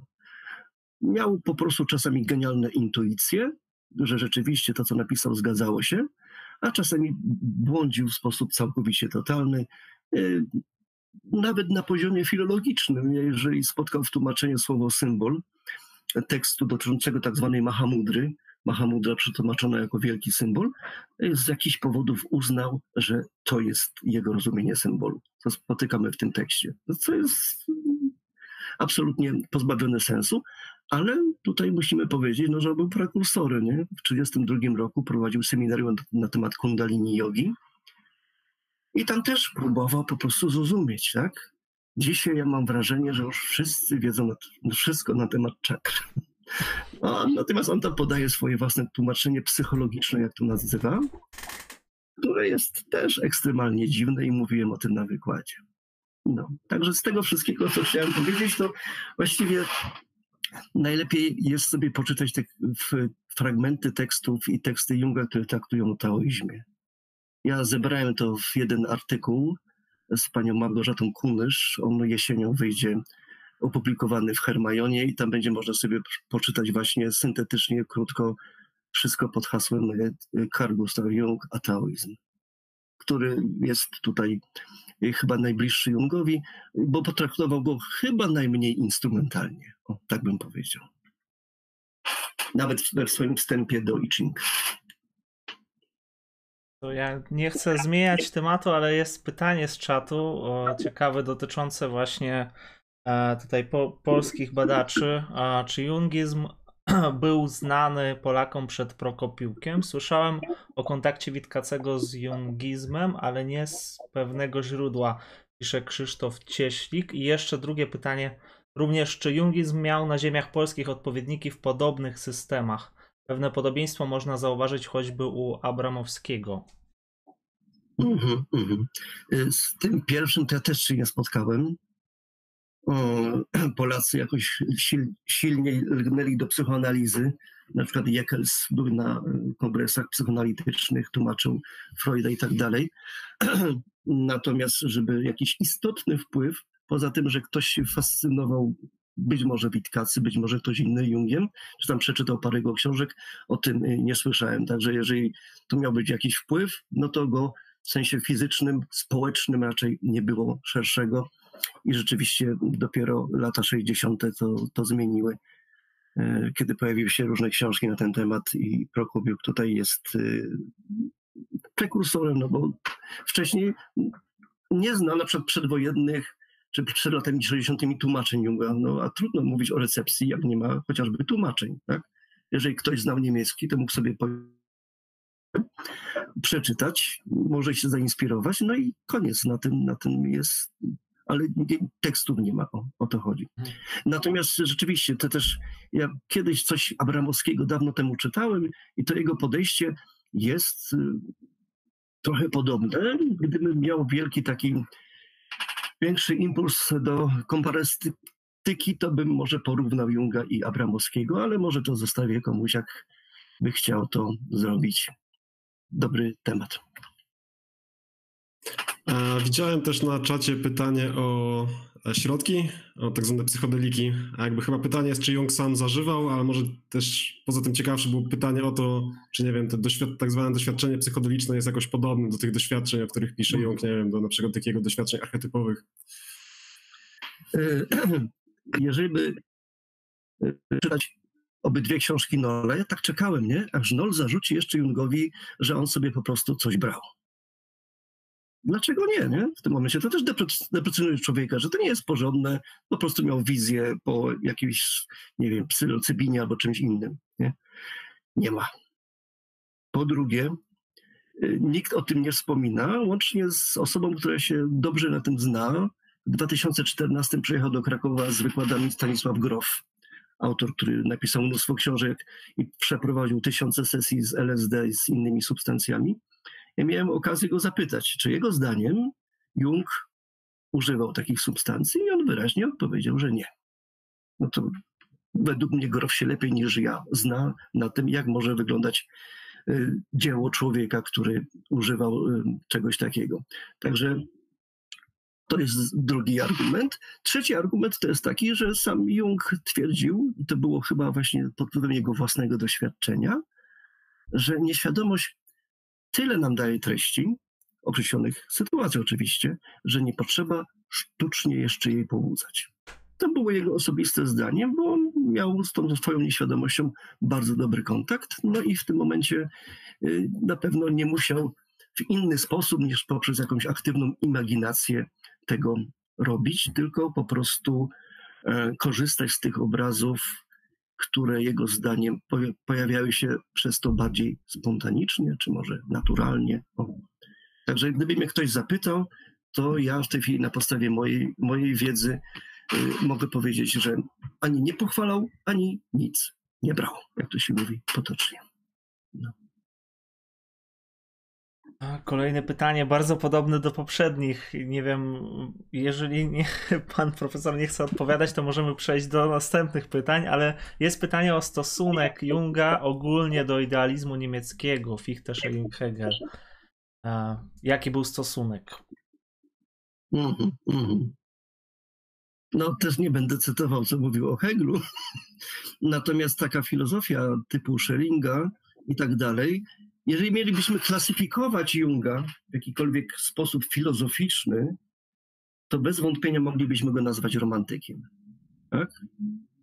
Tylko, że bardziej niż do wymienionych filozofów odnosił się on do tworzącego w tym samym czasie Karla Gustawa Karusa, który miał taką koncepcję psychę, tak podobną do koncepcji Junga, że niektórzy mówią, że właściwie ją sobie to przeczytał i przełożył to na język taki współczesny. To jest początek XIX wieku, nie pamiętam dokładnie. Trochę szerzej pisze o tym Bartłomiej Dobroczyński e, w jednej ze swoich pierwszych książek, chyba w swoim doktoracie, ale nie pamiętam w tej chwili tytułu. Także tutaj tak ogólnie można by Junga określić romantykiem, tylko że on bezpośrednio nie korzystał właśnie na przykład z Schellinga, z jego e, filozofii przyrody czy innego podejścia. Tak krótko bym odpowiedział. To ja bym może zapytał tak, um, takie wydaje mi się prostsze pytanie, bardziej podstawowe, ale no jako, że to ma być tego rodzaju wstęp, to myślę, że dobrze, żeby też e, padło. Mm, ja się tak zastanawiam, co tak naprawdę, od, patrząc od strony tego powiedzmy pacjenta, który przystępuje do takiej psychoanalizy jungowskiej, to co tak naprawdę, mm, co tak naprawdę, do czego tu się dąży, co tak naprawdę to oferuje, jakimi środkami się do tego, do tego wszystkiego dąży, bo wiadomo, że to nie będzie terapia w sensie takim, jak współcześnie znamy jakieś, e, mm, no bardziej powiedzmy powszechniejsze już podejście teraz. Wielkie pytanie o całą psychoterapię. To można kiedyś zrobić spotkanie z jakimś psychoterapeutą o nastroju bardziej filozoficznym, bo rzeczywiście jest to pytanie o skuteczność psychoterapii w tym momencie. Co my zyskujemy poza poprawą samopoczucia naszego klienta? Tak? Jeżeli miałbym opowiedzieć o podejściu jungowskim, to jest mi najlepiej znane, no to wszelkie postępy w tej dziedzinie obserwujemy na podstawie na przykład snów, które się nam pojawiają i istniejącej w nich symboliki, które następnie przekłada się być może na jakieś stany świadome, większej akceptacji samego siebie, bardziej harmonijnego życia i tak dalej, i tak. Tak? Jeżeli wspomniany Wolfgang Pauli, genialny intelekt, przyszedł na e, analizę do Junga, a potem do uczennicy Junga, to między innymi z takiego powodu, że popadł w alkoholizm i zostawiła go żona. Bardzo konkretne, tak? Po terapii wyszedł z alkoholizmu. Nie wiem, czy znalazł drugą żonę to by już byłoby pełną, pełną renowacją, prawda, jego sposobu funkcjonowania w społeczeństwie. Natomiast miał bardzo ciekawe sny i przeżycia, o których Jung pisze też. I być może przyczyniło się to jego, do jego do lepszego dobrostanu psychicznego. Jungiści chwalą się, że ich podejście jest rozwojowe bardziej, tak? że jakaś inna, tutaj nie wymieniamy żadnej forma psychoterapii, tylko leczy i doprowadza do w miarę sprawnego funkcjonowania danej jednostki. Natomiast celem podejścia analitycznego jest rozwój, tak? czyli nasze sprawniejsze funkcjonowanie w społeczeństwie. Ale to jest, jest to podobne pytanie, które ja często otrzymywałem, może panowie też. A co ci dała ta filozofia? Jak mi ktoś odpowie na to pytanie, nie? spędzamy całe życie na to. No. A co ci dała ta psychoterapia? Na przykład. Rzeczywiście. Ja znam osoby, które były zadowolone z psychoterapii, które stwierdziły, że nic z tego nie wzięły. I to jest po prostu takie pytanie ogólne, chyba trochę nie ma sensu. Trzeba by rozpatrywać jakieś konkretne tutaj przypadki, ewentualnie deklaracje samych szkół, nurtów psychoterapii, co one potrafią. Nie? Na przykład psychoterapia racjonalno-behawioralna chwali się, że jest po prostu najlepsza, bo jej wyniki są sprawdzalne w sposób naukowy. Tak? A inne, no, kto sprawdzi wyniki psychoanalizy na przykład? W jaki sposób? No właśnie, tak to właśnie, ale każda pliszka swój ogonek chwali. No, może jeszcze bym tak e, dopytał przy okazji, no bo jeżeli ja to przynajmniej tak zrozumiałem, że w takim razie, skoro e, tam operuje się też na tych snach, one mają być jakimś e, odzwierciedleniem tego obecnego stanu tej osoby, tak? Mm, no, one mają, mają jakoś być tą, takim wyrażeniem tych treści nieświadomych, które trzeba rozszyfrować. E, no i o co by tutaj chodziło? O to, żeby to, co nieświadome, żeby jakoś to przetransferować w ten obszar taki świadomy, czy to ma być tylko właśnie takie odzwierciedlenie, czy tu chodzi o to, żeby nastąpiła taka zmiana w pewnym sensie? Mm-hmm. To chodzi o to, że im bardziej, bardziej świadome wiem, przeżywanie, im więcej jesteśmy świadomi, tym lepiej, czy nie? Czy to nie ma znaczenia? Jak mówiłem na początku, indywiduacja to nie jest y, pogrążanie się w sobie i medytacja w, grocie w Himalajach, jak powiedziała jedna z, z analityk, analityczek jungowskich, że jest to nauczenie się wchodzenia w relacje społeczne dzięki poznaniu samego siebie. Tak? Na przykład poznaniu swoich negatywnych stron zwanych cieniem.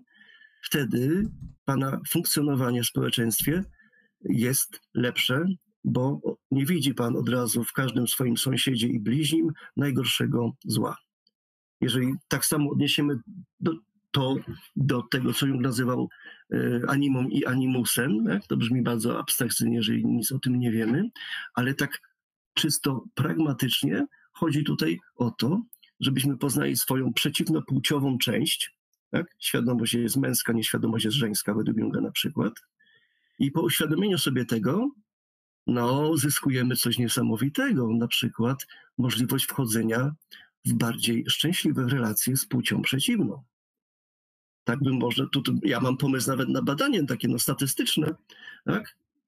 O ile częściej y, trwają albo są dłuższe, szczęśliwsze, nie wiem jak trwalsze związki osób po psychoterapii, na przykład po analizie, a ile nie? jakaś grupa tutaj kontrolna, która w życiu nawet nie słyszała o psychologii. Są tacy ludzie. I wtedy można by stwierdzić. Także tutaj specjalnie kładę nacisk na to, że język podejścia angielskiego może być bardzo abstrakcyjny, tutaj sny, tu archetypy anime, animusa i tak dalej, no ale efekty mają być namacalne i y, konkretne. Dwa przed chwilą wymieniłem. Y, niewchodzenie w konfliktowe relacje z innymi osobami to jest według mnie bardzo istotna wartość społeczna. I Jung jungiści twierdzą, że można się tego nauczyć. Tylko oferują swoje podejście, tak? Rozpoznaj swoją ciemną stronę. Inni terapeuci pewnie mają swoje inne pomysły. Księża mają też swoje pomysły. No tutaj Nola akurat zarzucał, że Jung stworzył swój kościół jungowski i, i, i jungiści byli jak tacy kapłani, ale to, to jest jakiś stary zarzut w ogóle do różnych psychoanalityków. Mi się przypomina książka teraz, o ile się nie mylę, Gelena chyba. E, jak to było? Urok psychoanalizy. Dobrze. E, mhm. Andrii Iwanczuk pyta, mm, i to jest takie pytanie o pewną, nie wiem jak to nazwać, słowa mi brakuje, pewien paradoks chyba. Dlaczego my nie są świadomi, kiedy żyjemy, i naprzeciwko, kiedy jesteśmy świadomi, to życie znika?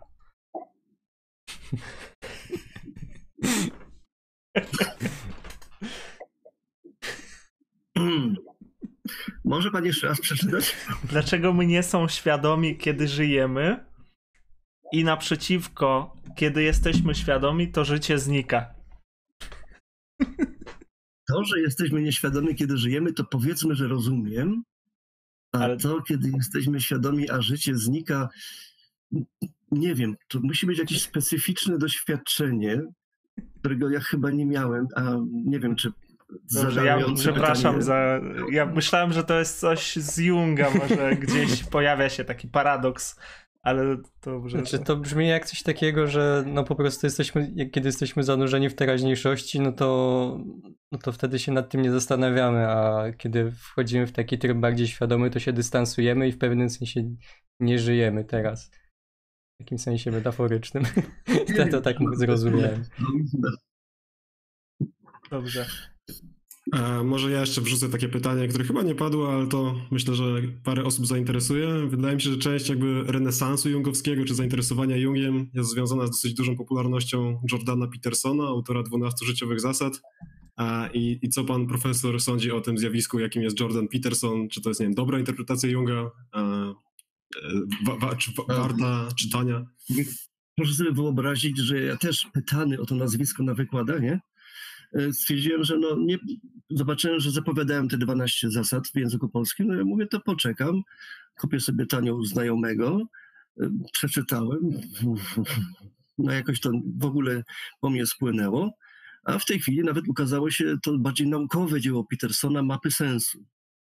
I tam rzeczywiście jest Jung, ale to ma jedną wadę, że to liczy chyba sobie 700 stron. Ja próbuję przez to przebrnąć, tak? Po jakichś 100 stronach mam wrażenie, że Peterson rzeczywiście chciał napisać najgrubsze dzieło naukowe ever i pisze tam rzeczy, które mogłyby być nieobecne. Jak dojdę do tego rozdziału na temat Junga, to coś powiem. Z, jego, z takiej mojej skromnej wiadomości z YouTube'a, gdzie było parę filmików na ten temat, no to okej, okay, może być, nie? Tylko zobaczę w wymiarze takim książkowym, bo ja zawsze jestem starej daty i wolę przeczytać książkę. Także w tej chwili tak radykalnie się nie będę wypowiadał. Możliwe, że całkiem dobrze. No. Natomiast jeżeli chodzi o jego własne poglądy, hmm, jakby panowie widzieli tutaj, moje łóżko jest niepościelone. Nawet dłużej. Tak, nasze też. e, dobra. Jeszcze coś tutaj był. Nie wiem, no to jest pytanie o sam. Takie lepiej by było chyba na początku go zadać, ale e, zadam go jednak. Czy może pan profesor coś powiedzieć na temat introwertyzmu i ekstrawertyzmu Junga oraz Eisenka, który zdaje się czerp- zaczerpnął od Junga te pojęcia, a te natomiast u Eisenka mają podbudowę naukową. Mhm. No tak, to nie trzeba sięgać do Eisenka, wystarczy y, współcześnie jeszcze spotkać żyjącego profesora, a, jejku, jak się nazywa? Napisał książkę Cztery typy umysłów. Polak. Mam sklerozę jak Peterson w tym momencie. Bardzo dobra książeczka i też prezentująca podstawy naukowe y, myśli Junga. Także ja się nie dziwię, że inni wcześniej jeszcze naukowcy próbowali coś takiego robić. No to w tym momencie jest to młyn na, woda na mój młyn, że można pewne koncepcje Junga starać się jakoś unaukowić. Także w tym momencie jest, jest ok, nie, nie, będę się szerzej wypowiadał. Ja myślę, że będziemy powoli zmierzać do końca, dlatego że już e, dobiega nam powoli tam druga godzina, a patrzę na pytania, dlaczego my nie są świat dobrze. To było. było podróży. Aha, czy, e, czy Jung całe życie spędzał w dużych miastach, czy odbywał jakieś kształtujące podróże? Pyta użytkownik z nickname'em Paskuda. Znaczy raczej unikał dużych miast. Jeżeli musiał, to, to oczywiście jeździł z jakimiś wykładami albo na jakieś spotkania. Pół roku swojego życia, ten letni okres, spędzał nad jeziorem w wybudowanej przez siebie wieży, bardzo często całkowicie samotnie. No ale z drugiej strony uczestniczył w wielu wyprawach, na przykład zorganizował ze znajomym wyprawy do Afryki, gdzie odbyli sporą pracę pod hasłem badania psychologii ludów pierwotnych. To oczywiście polegało na jakichś tam wrażeniach Junga z tańców z ludami pierwotnymi, z murzynami i opisy ich doświadczeń i marzeń sennych. O, jestem już? Mhm. Tak, tak. Tylko tutaj... obraz się trochę zmienił, ale jest dobrze. Ważne, że słychać. Tak. Nie słychać już. no to wykrakałem. To była słynna synchroniczność być może. Dobrze. Mm, to poczekamy trochę. Pytania tutaj były. Jaki wpływ na treści głoszone przez na samego miała Emma? No to jest w sumie takie pytanie, które można przy każdym filozofie żonatym albo takim, który miał jakąś starą partner, stałą partnerkę zadawać, na ile ona miała wpływ. Jak się zresztą doszukuje później e, tego, że, że pewne poglądy to są faktycznie poglądy tych, tych partnerek, tylko kobiety nie miały siły przebicia wtedy i się wykorzystywało tych facetów. No, najlepszy przykład to jest oczywiście ta Elizabeth Fürster-Nietzsche, która może jest prawdziwą niczeanistką, nie? Taki to jest ma, ma, mało feministyczny przykład, no bo jej poglądy są dosyć, no powiedzmy, ponure. Mhm. Ja nie wiem, czy ty Adam jakoś tam e, bardziej śledziłeś te powiązania właśnie, te wątki niczańskie u Junga i w ogóle, mm, no ogólnie te powiązania, bo wydaje się, że one są dość silne. Tak, tak, to, to, tak. Może profesor wrócił. Okej, okay. nie wiem, na czym tam skończyłem? Właściwie to zatrzymało się na, na tym, jak pan zapytał, czy słychać, czy widać, i, i od razu się oberwało. A to był temat.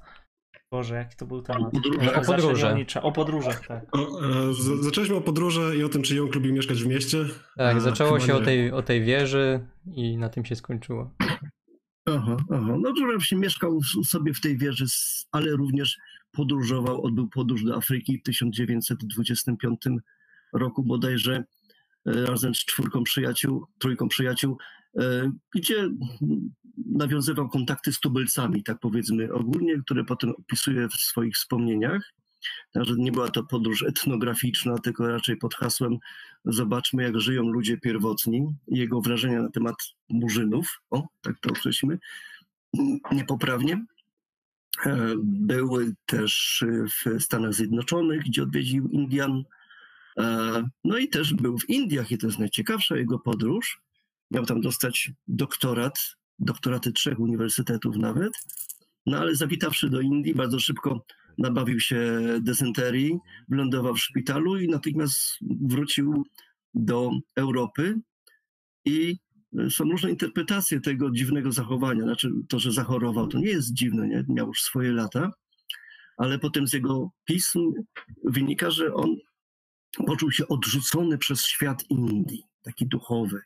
Tak? I jeszcze na statku, jak wracał, zaczął czytać jakieś pisma alchemiczne, że jego przeznaczeniem jest badanie tego duchowości Zachodu, a nie Wschodu tak do końca. To był 38 rok bodajże.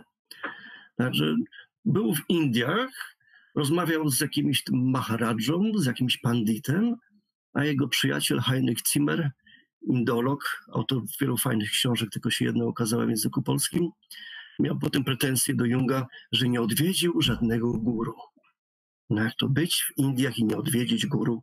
A tam paru na pewno było, być może już y, był dosyć znany, słynny Sri Ramana Maharishi, że już nie powiem o innych. Tak, że są interpretacje, że po prostu Jung tak do końca tego wschodu nie przetrawił i w takim kategoryzacji jungowskiej wschód był jego cieniem po prostu.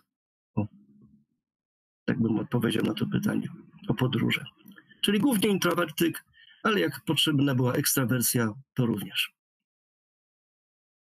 To ja może zadam już ostatnie pytanie, chyba że ktoś jeszcze z Was, to znaczy Michał, Adam, będą, będziecie mieli jakieś pytania, to bardzo proszę. E, pytanie z czatu. E, czy Jung miał jakiekolwiek e, zdanie na temat współczesnej mu, coraz bardziej awangardowej muzyki poważnej I drugie pytanie było o naukowe tłumaczenia książek Junga. O próba, czy padły tytuły książek z próbą naukowego tłumaczenia Junga? Mm -hmm. Jeżeli chodzi o muzykę, to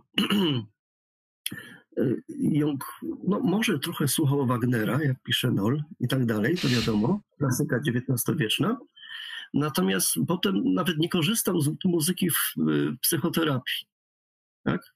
Po prostu uważał, być może to było kształtowane przez jego kontakt właśnie z muzyką Wagnera, że muzyka niesie tak potężny efekt archetypowy, tak dużo emocji ze sobą, że trzeba też z tym bardzo uważać. I że właściwie trochę miał też, y, te słoń mu nadepnął na ucho, czy coś takiego. Także nie interesował się, a już tym bardziej jakąś awangardową i współczesną muzyką. Dopiero jedna z jego córek się zajęła czymś, co się dzisiaj nazywa muzykoterapią i się to jakoś stopniowo rozwinęło. Natomiast sam Jung nic na ten temat nie mówił, podobnie jak i na, na temat muzyki w ogóle. Natomiast jeżeli chodzi o te naukowe książki na temat Y, badań. Hmm. Myślę, że wszystkie one będą wymienione w jednej książce. Y, jest to doktorat pana Tomasza Sikory, wydany kiedyś w Krakowie. Y, Religia i substancje halucynogenne bodajże. Taki nosi tytuł. I tam i sam Sikora opisuje w jednym rozdziale te badania i podaje bardzo obfitą bibliografię książek. Ja w tej chwili y, nie pamiętam innych tytułów, natomiast ten, y, ta pozycja Sikory, że ktoś tam zajrzy i do jego tekstu, tam jest jeden rozdziałik na ten temat, i do bibliografii, to wtedy uzyska pozytywny efekt. Jeszcze dobrze, nie, zadam pytanie ostatnie już z czatu na pewno. Czy tłumaczenia na język polski są dobre? Co pan profesor sądzi? E, jak Państwo widzą z, z książki tłumaczonej przez Korpantego, czyli Kult no, Junga, Korpanty cały czas poprawia e, tłumacza z, nazywającego się Robert Reszkę, natomiast nie poprawia Prokopiuka i można rzeczywiście powiedzieć, znając też inne tłumaczenia. Prokopiuk przetłumaczył sto ileś tam, kilkadziesiąt książek, sporo część z niemieckiego, że był bardzo dobrym tłumaczem. Natomiast Reszkę tłumaczył jak szalony, by można powiedzieć, bo i całego Freuda przecież przetłumaczył i mnóstwo innych dzieł również. I rzeczywiście jest tak, jakby Państwo sobie zajrzeli do przykładów y, krytyki tłumaczenia Reszkego, że czasami odwraca sens zdania. Ja już dawno temu, jak zacząłem kupować te książki, które tłumaczył Reszkę, doszedłem do takiego zdania, które będzie konkluzją na ten temat, że w każdym tomie tłumaczonym przez Reszkiego jest przynajmniej jedno całkowicie niezrozumiałe zdanie. Może to jest mało, jak tłumaczę, ale może ich jest więcej, bo to się po prostu rzuca w oczy. Tak? A czasem, jak czytamy, po prostu sens jest odwrócony, trzeba by porównać to z, z oryginałem i tak dalej, i tak dalej. Ja czasami to robiłem, ale ja czytam Junga po angielsku. Zresztą nawet sami Anglicy mówią, że też trzeba na nowo przetłumaczyć Junga na angielski, bo tam też był jeden tłumacz, który też nie był, całkiem dobry. Tak to jest. Także tutaj mm, no, nie spotkałem się z osobą, która by całkiem pozytywnie oceniała tłumaczenia Reszkego niestety, jeżeli chodzi o Junga. No. Dobrze, to Adam, Michał. E... Ja nie mam pytań więcej. Dobrze. Ja myślę, że poruszyliśmy bardzo szeroki zakres no. tematów, jak na wstęp, bardzo dobry. To w takim razie ja bardzo dziękuję e, tutaj właśnie, że pan profesor nas odwiedził i udało się zorganizować to spotkanie. Bardzo dziękuję też za wszystkie odpowiedzi, e, których pan profesor udzielił. Dziękuję też wszystkim pytającym widzom, a także dziękuję tej osobie, która nam wysłała dwa razy dwa złote zaliczka na czytanie pla uczty Platona. E, nie wiem, czy kiedyś czytanie Platona zrobimy. Zastanowimy się. Za dwa złote to nie. Dobrze. E, I... Za dwa złote nic się nie kupi, co mogłoby uczestniczyć w uczcie. tak. E, czat, dziękuję. dziękujemy. Dziękuję Super, bardzo. dziękuję za świetną opowieść. Dziękuję również serdecznie panu profesorowi i panom za tę rozmowę. I my też dziękujemy i do zobaczenia na następnym streamie. I jeszcze oddaję głos tutaj oczywiście, czy ostatnie słowa. Oddaję głos panu. Pan by chciał coś powiedzieć na zakończenie. Nie, no już się nagadałem, także. Dobrze, dobrze. To ja poproszę jeszcze z nami na chwilkę zostać, e, a my się żegnamy z, z widownią.